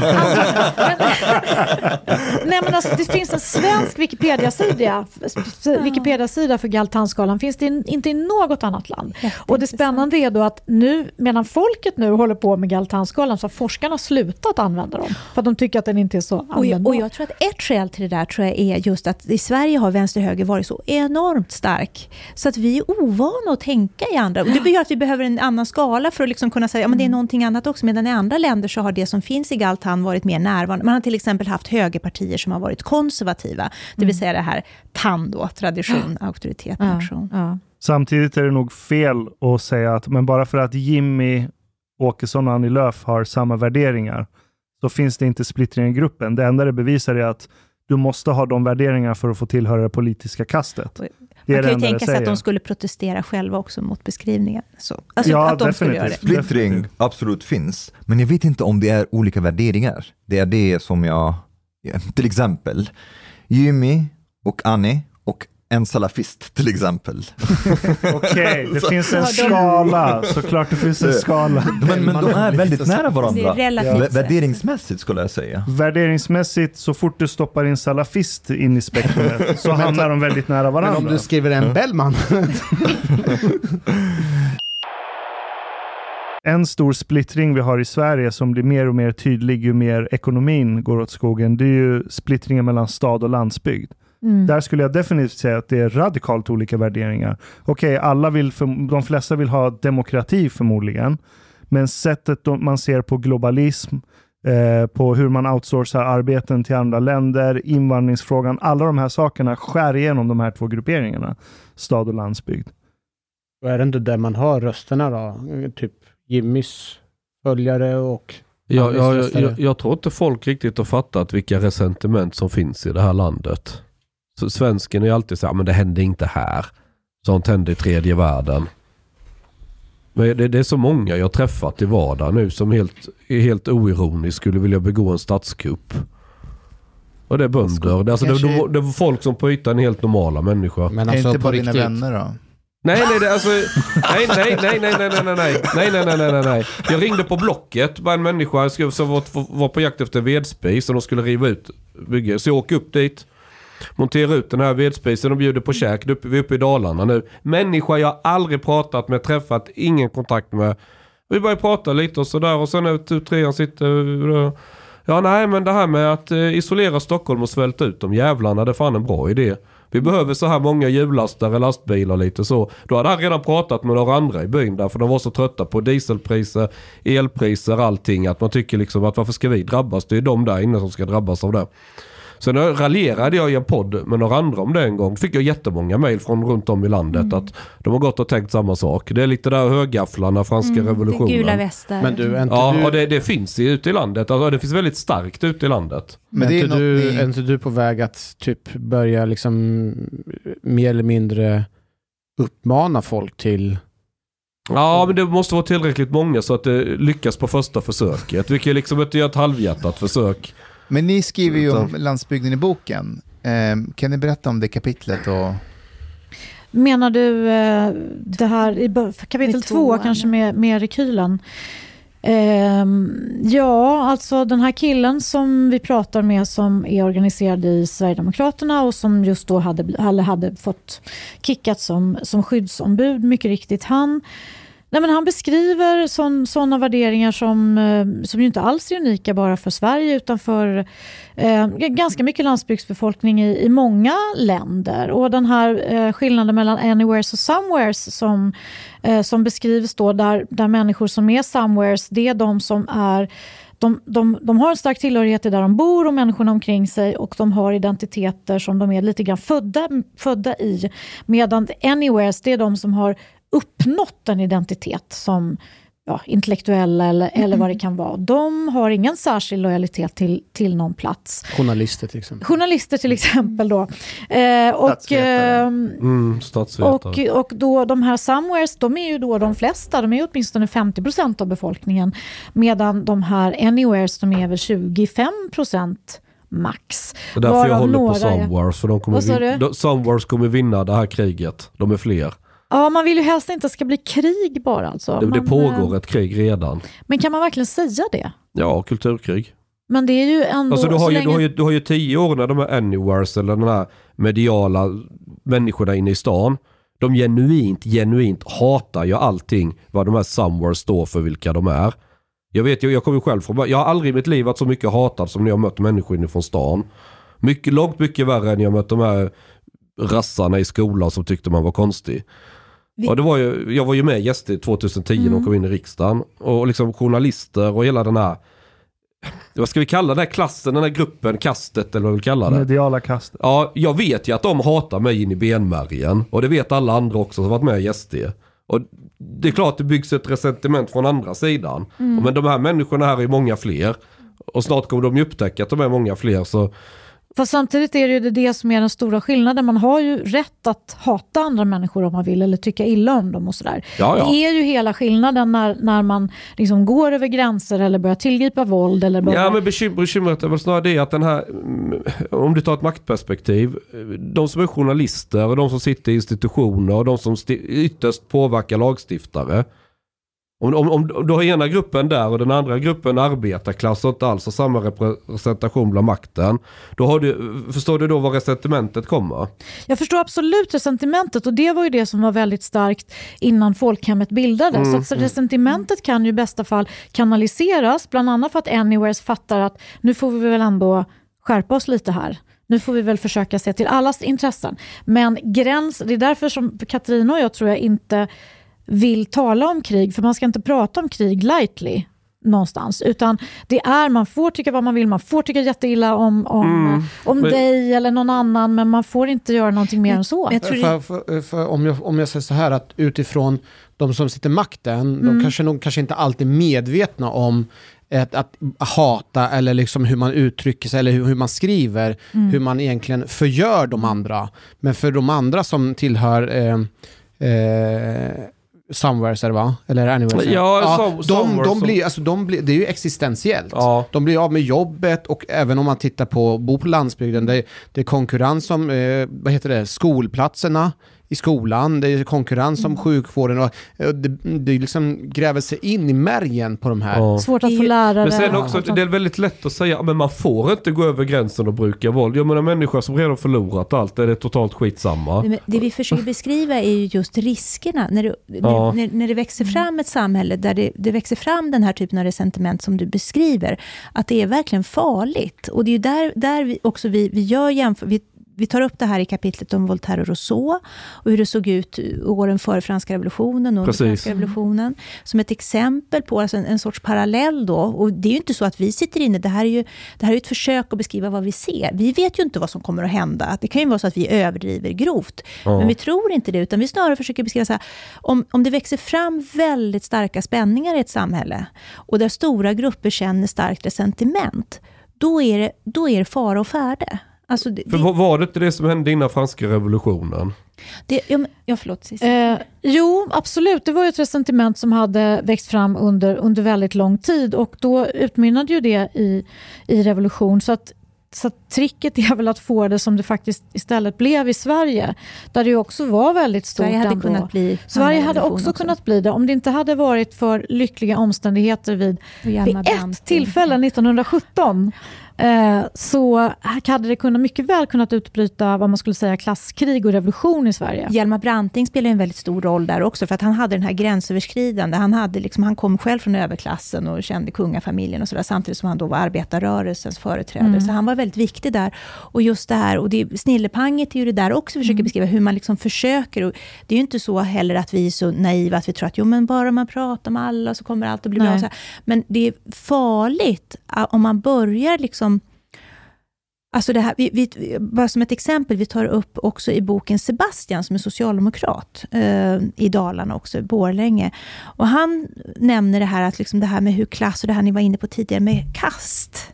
Alltså hur de där går samman, just att han beskriver det här föraktet som han möter. Alltså att han har reagerat över att, ja men om vänstern föraktar arbetarna, Mm. Då blir det väldigt konstigt. Och det, där känner han själv, och han säger så här själv, att ja, men jag, jag håller ju inte med Sverigedemokraterna, eller de som går dit. Men jag måste ju lyssna på dem. Jag kan ju liksom inte bara här, säga ni är idioter och dumma i huvudet, för då... Alltså man... Ja, men det är också det att man måste komma längre än till ett lyssnande som är det som du beskrev, det här att man lägger huvudet på sned ja, och säger precis. jag svårt, förstår att ni har det svårt ja. och sådär. Man kan säga Utan det måste också. ju vara ett, ett, ett, ett riktigt samtal, ja. alltså på, på, att man måste på riktigt eh, lyssna. Vi kommer ju från forskarvärlden, Cissi och jag. Och där är ju så, och det, det, det, här kanske låter, om man inte kommer från, det låter här bara tramsigt. Jag är ju från Öland. Men det här, ja, men, det, men det här är verkligen sant. Alltså, det finaste komplimang man kan få, alltså när man lägger fram något man har skrivit till mm. exempel, försök, det är en seriös menad kritik. Mm. Alltså inte det här bara säga åh du är en idiot, utan så bara, här tycker jag på rad fem, du har fel därför att. För att veta att någon har läst det jag har skrivit, att ta det på allvar, medan däremot att klappa, åh vilken fin teckning du har gjort, det är ju inte det man vill Men det, ha. Det, det gör nog mer, mer bekym eller bekymrad. Jag, jag är inte... Jag är inte fullt lika nervös över det här resentimentet som kanske andra är. Nej. Men det är för att det är inte jag som är skottgluggen. Om, om det skulle gå över gränsen eller man skulle säga. Men jag tror vi är på väg dit för att vi har en lågkonjunktur nu som kommer slå ganska hårt. Vi har en stenhård inflation. Människors, eh, det här kommer öka klassamhället väldigt mycket. De som har pengar de kommer klara sig. Men de som har det då, fattigt kommer bli betydligt mer fattiga nu. För allting blir dyrare. El, bensin, eh, maten. You name it. Eh, ja, det kommer öka de här spänningarna. Och de här har legat och grott rätt länge har jag upptäckt. Alltså, jag, jag åker runt mycket, snackar med folk överallt i alla möjliga... Jag är en mm. social, socialt kaosig människa. Jag träffar du är en rom. Ja, precis. Du är fan en anywhere till punkt och pricka. Ja, på du det, är rom. ja, ja, det är. Resande. Kommer ut ur precis. garderoben. precis. Men, Men, ha det i kulturen. det, det jag mer tänker är att människor inom de här besluts... De maktens korridorer, eller hur jag ska uttrycka mig, jag vet inte var de finns, om de finns. Men, men är man medveten om vad som liksom... Ni verkar ju se lite av detta jag beskriver i alla fall. Men fattar eh, människor i regering, fattar människor i media, i i tv-huset. De är, förstår de vad det är som för känslor som, Ja. som växer i landet? För när ni pratar om känslokorridor, alla Ja, de ska ja. vara inne i samma Ja, känslokorridor. Mm. Då blir det ju ännu svårare att se de som är utanför korridoren. Jo, Mina, Det- de det- är väldigt olika. De är väldigt där. olika, de vet nog inte riktigt vad de ska göra. Men jag, jag, det, det du säger det här med oron att det ska hända någonting. Det här var någonting som, när man, när, eh, nu blir jag lite historisk här Ja, då. Men, ja, vi eh, gå till Toc- påskupploppet nu eller? Nej, nej, nej, jag tänkte faktiskt på Tocqueville som analyserade franska revolutionen i efterhand, ungefär 30 år senare. Han tittade tillbaks och liksom identifierade de saker som ledde till det här, Ja. revolutionen. Eh, massa saker, bland annat att det fanns folk som var fruktansvärt rika och som struntade i andra rent fysiskt och behandlade folk som drägg. Det var en viktig sak. Liksom. Och sen var det ett antal saker till. Men han sa också så här att, sa att det upp, revolutioner bryter inte ut när något blir sämre. Utan när något blir sämre efter att först ha blivit lite bättre. Så det vill säga att när vi har liksom släpat oss igenom en pandemi till exempel, och allt har varit skitjobbigt, så blir det lite bättre. Och sen blir det krig, inflation, bränslepriser som skenar. Det är kritiska ögonblick. Det, det går jag omkring och tänker på just nu faktiskt. Jaha, man hade lite hopp om framtiden och sen grusas det igen. Ja, Ja. då blir besvikelsen så enormt men ni skriver ju i boken hur Sverige har lyckats kanalisera resentiment under väldigt lång tid. Eh, vill ni berätta lite om hur Sverige har lyckats med det historiskt? För då kanske vi kan se tecken på om, de försö- om makten försöker göra det idag eller att de totalt tappat greppet, tänker jag. Det var ju, till att börja med var det liksom alla reformer som var möjliga. Det, det, till att börja med att man införde rösträtten. Det var ju en sak man kunde, man kunde göra och det var ju liksom en otroligt stor grej för de som då hade makten. De tyckte ju att det var jordens undergång, en del av dem. Så det var en sak man kunde göra. Och sen så kom det vänsterregeringar, liberala regeringar i början av 1900-talet var ju, räknades som vänster. Och man gjorde enormt mycket reformer och det fanns ju Folk var ju så fattiga så alltså, att det fanns knappt. Alltså det fanns ju jättemycket reformer att göra. Så frågan är egentligen vad är det, som, vad är det för reformutrymme som finns och vad är det man kan göra för att göra människor nöjdare idag? Pensionssystemet. Ja, det är väl, en, det är väl kanske därför som de pratar du så mycket om, om, eh, så mycket om, Okej. om pensionerna. Och. Eh, Men just de här sakerna då som handlar om migrationen och det, det är ju kanske, och kulturella förändringar, det är kanske lite svårare att göra någonting åt om det, om det är det som människor tycker är svårt. Ni pratar också i boken om en studie, majoritetssvenskar i Storstockholm. Var det bara i Botkyrka eller? Ja, Ja. Mm. Och eh, det var jätteintressant och särskilt hur invånarna där började prata mer öppet när de var anonyma och, om, om sina känslor. Och, kan ni prata lite om det? ja de, ehm, de har ju alltså då dubbla känslor kan man säga. De, de beskriver, de bor i välmående delar av Botkyrka och Mm. Botkyrka är eh, väl den kommun där, som först fick en befolkning där majoriteten är född utomlands tror jag. Och de som bor i de välmående delarna, som är då majoritetssvenskar, de känner å ena sidan eh, oro för att, eh, för att andra språk ska ta över. De är oroliga för att det svenska föreningslivet ska dö bort. De är oroliga för barnens språkutveckling och massor av saker som de är oroliga för. De är oroliga för värd, värdesänkning på sina hus om det flyttar in invandrare i området. Samtidigt som de är väldigt noga med att säga att de står för liksom, mänskliga rättigheter och alla de här värderingarna. Så att de har de här värderingarna samtidigt, helt enkelt. Mm, mm. Eh, Och ja, känner sig lite plågad Och känner av sig lite plågad av den här slitningen. Och Mm. den är nog säkert, finns väl på många andra ställen också. Mm. Ja, det, det är intressant. Det finns lite av en antagande kanske. Om man saknar Sverige som det har varit förr, Mm. det betyder att man är emot invandring. Eh, Nej, inte nödvändigtvis. Ja, ja, men det- det är många som... som Det är uppfattningen. Ja, uppfattningen. Ja, Jag tror hatet är större mot faktiskt det politiska etablissemanget än mot just själv mot invandrare eller invandring. Alltså om du skrapar på ytan bland de här som går med i SD. Så det, är- det, det är inte riktigt där man har... eh, Du, har- du har ofta mycket lättare att identifiera dig med Hassan i kiosken runt hörnet än med Annie Lööf. Om du förstår vad jag menar. Vill du gå ut på högafflarna, nu, nu ska giljotinen fram på Mynttorget, nu jävlar ska blodet rinna. Det är inte invandrarna du vill, du vill hugga huvudet Tror du det verkligen? Nej, ja det är jag rätt säker Det är på. ungefär så som David Goodhart som har skrivit om Anywheres Mm. och Somewheres. Han säger just det, att det är inte så att Somewheres har speciellt, de har liksom inte rasistiska värderingar. De är precis eh, lite grann som, som du säger det. De känner Hassan i kiosken. Och, Mm. eh, de kan tycka att det är mycket invandring men de är inte rasister. Nej. Och det är också så att det, att det har blivit så mycket fokus på invandring för att det är en sån stor samhällsförändring som ligger nära i tiden. Men de kan ofta, de här människorna kan också känna att vi saknar de gamla städerna som de var förr. Och, Ja, det hänger ihop. Du Ja. har ju arkitektupproret. Ja. Det hänger ihop väldigt tätt Ja, med den här ja. gruppen människor. Man, Ja. man vill förstöra Ja. det traditionella och...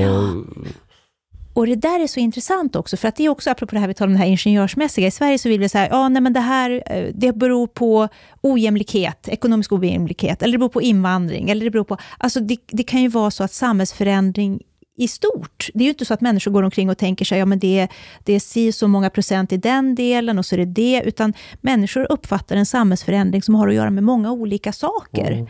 Eh, och den är liksom inte så, för att det finns ju inte minst från politiskt, alltså partipolitiskt håll, så finns det ju gärna en vilja då att säga så här, om vi bara löser den här frågan, då kommer SD att minska. Och så säger motståndaren, nej, om vi, nej, vi ska lösa den här frågan, och så är det då ekonomi eller kultur eller vad det är. Men det kan ju vara så att människor är ju inte, människor är ju sammansatta. Och nu är vi tillbaka till det här med känslor, att känslor är ju, kan ju vara svårt att eh, kunna identifiera eh, till och med sina egna känslor och förstå vad de bottnar i. Mm. Just för man, att de är minst känslor. av allt kan man gå in och säga ja men det beror på 17 procent på Ja. teknikskiftet och Ja, eh, 22 procent invandringen. Ja, annat. 14 procent ekonomisk ojämlikhet. Jag har en fråga till er. Ja. Ehm, Just alltså att invandring har förändrat mycket i Sverige är ju ändå en röd tråd genom boken. Mm.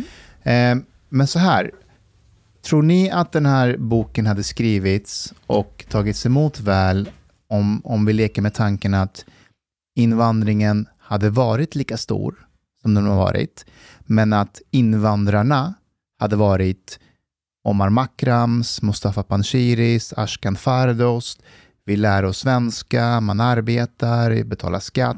Man utmanar inte det svenska, utan man anpassar sig. Alla hade suttit i det här rummet. Exakt så. Ja, jätteintressant fråga. Om det hade varit annorlunda? Ja. Ha, hade Mm. boken skrivits av att det har gått för fort, Mm. nå- någon, man saknar någonting. Nej. Det tror jag inte. Faktiskt. Varför? För att det är lika många, ju, alltså det är ändå en förändring. Eller, eller missförstår jag frågan kanske? Alltså, jag, jag menar att Du menar, hade, hade, hade, hade den här saknaden, Precis, som vi uppfattar precis. finns, hade den varit lika stor om alla hade varit så här väl... om alla var som ni? om alla Ja. vore som ni, ja. Mm. Vad tror du? Nej, Jag tror inte det. Jag tror inte det. Jag tror Men inte menar det. ni då, då liksom, er generation, om vi tar Hanifs föräldrars generation, Mm. För dem är det ändå ett folkhemmet som var homogent Mm. och också utseendemässigt på många sätt. Mm. Hade de tyckt att det ser annorlunda ut? Det är, Det, Jag, jag, jag tror faktiskt att man, att man inte ska överdriva betydelsen av, av det faktiskt. jag tror Eh, också du menar det. så här, utseende och ögonfärg, Ja. hårfärg och sådär. Jag, jag tror inte Nej, det. Det finns, ganska, liten. det finns ganska mycket som Ja. tyder på att eh, om du pratar svenska, om du arbetar och betalar skatt, då räknas du som svensk. Ja. Det tror jag är de här Ja. Det handlar mer om tillitsbarometern kultur. visar det. Ja. det handlar, ja, alltså, och språket. Ja. Ja. Har man en snus under läppen så redan där så är ribban. Ja, Åker raggarbil. Om, om det kommer jättemånga invandrare som anammar det svenska, det blir bara en bekräftelse på den svenska överheten. Ja. Så det borde ju vara... Vi är inlåsta i vår bra poäng, ja. överhetsnationalism. Men, men också generellt, även evolution, eh, evolutionärt, samhället, jag tror att folk mår bättre av att, av att ha homogena normer och värdering på ett sätt. Det är mer förutsägbart, mindre risker, men, men samtidigt det, det finns en sweet spot eftersom för mycket konformitet kan leda till kulturell stagnation på ett sätt. Mm. Så det, det måste vara lite Ja, Men Sverige vissa- har ingen kultur så vi, vi, vi kan inte stagnera. en, en viss andel kanske av, av samhället. Ja, Ja, precis. Men, ja. men sweet, så inte för mycket så att det inte ska vara destabiliserande. Men också, ja. 3,4 procent. Precis. Ja. Skulle den svenska ingenjören säga. Ja. Hur stora, Nej, men jag förstår hur du menar. Ja. Lite avvikelse, men Mm. inte för mycket. Mm. hur stora tror ni att SD som parti hade varit i ett sånt läge? Mycket mindre. Ja, mycket mindre. Mycket mindre. Jag tror att de då hade hållit, de hade varit en ganska li, lilla grupp Mm. som faktiskt är rasister. Den är inte så stor. Men, men, men vad hände med Sveriges in, ingenjörstänkande när istället för 3,4 procent blev det 20 procent? 20 procent som är utrikesfödda till exempel. Det, det fanns ingen som, som tyckte, ja, by the way, det kommer bli lite kaos nu. Uppgiften är ju så väldigt, väldigt mycket svårare. Det, vi har ju det här exemplet med kvinnorna då, där att det tog, det tog, och ändå om man bara hade tittat på svenska kvinnor så tog det två, tre generationer att, att bryta ner hemmafruidealet, eh, hemmafruidealet och integrera alla kvinnor i stort sett på den, eh, på den betalade arbetsmarknaden. Nu har man ett läge där de invandrade kvinnorna eh, är hemma, är med barnen, inte kommer ut på arbetsmarknaden för att de inte lär sig svenska. Och det är ju då också en som man med, åtminstone med ingenjörens sätt, skulle säga det att det här är en ond cirkel. Eftersom de är hemma vid barnen så kan de inte komma ut då och jobba och då lär de sig inte svenska och sådär. Eh, och om det tog 80 år när kvinnorna var svenska, alltså hur, hur lång tid ska det ta då? och då hur ska man de klara det här? språket och de var redan en del av kulturen. Mm. Det var homogent. Det var homogent, det- ja. Så det är mycket svårare. I den här diskussionen skulle det kunna vara väldigt icke-politiskt korrekt men jag kanske ska... Jag var inte det. Okej. Vadå, säg? Nej men det här, om det tog 80 år att få kvinnor att gå in på arbetsmarknaden, kanske egentligen kvinnor mår bättre av att vara hemma och ta hand om barnen. Eh, Är du helt säker på det? ja, För jag, Jag tror tycker, faktiskt jag, jag inte tycker det- den grupp i samhället jag hör mest och klagar över dem mår dåligt och det, och det är massa oförrätter och grejer. Det är oftast tjejer. Fast din fru går till jobbet och tar hand om barnen och tar hand om hemmet medan du tar hand om dig och också borrar kanske? ut en jävla vedspis i Dalarna. Nej men vi, jag tycker vi delar på uppgifterna rätt så bra. Men nu jobbar vi ju hemifrån så att det är liksom, man kan ju se det från vilket håll man vill. Hej på dig, min vän. Lyssna på mig nu. Du är mycket fin människa. Du har betalat biljett på klubbzista måltid. En mycket fin radioprogram i Sverige. Tack vare dig så är det möjligt för grabbarna att shoppa kaffe latte ute på torget. Betalar kningar. Shoppa blodpudding till familjen. Åka tunnelbana. Eller dricka en kall Norrlands guld på uteservering. Ibland. Dit bidrag gör grabbarna mycket glada. Dit stot gör moltit måltid möjlig, helt enkelt. Tack, min vän.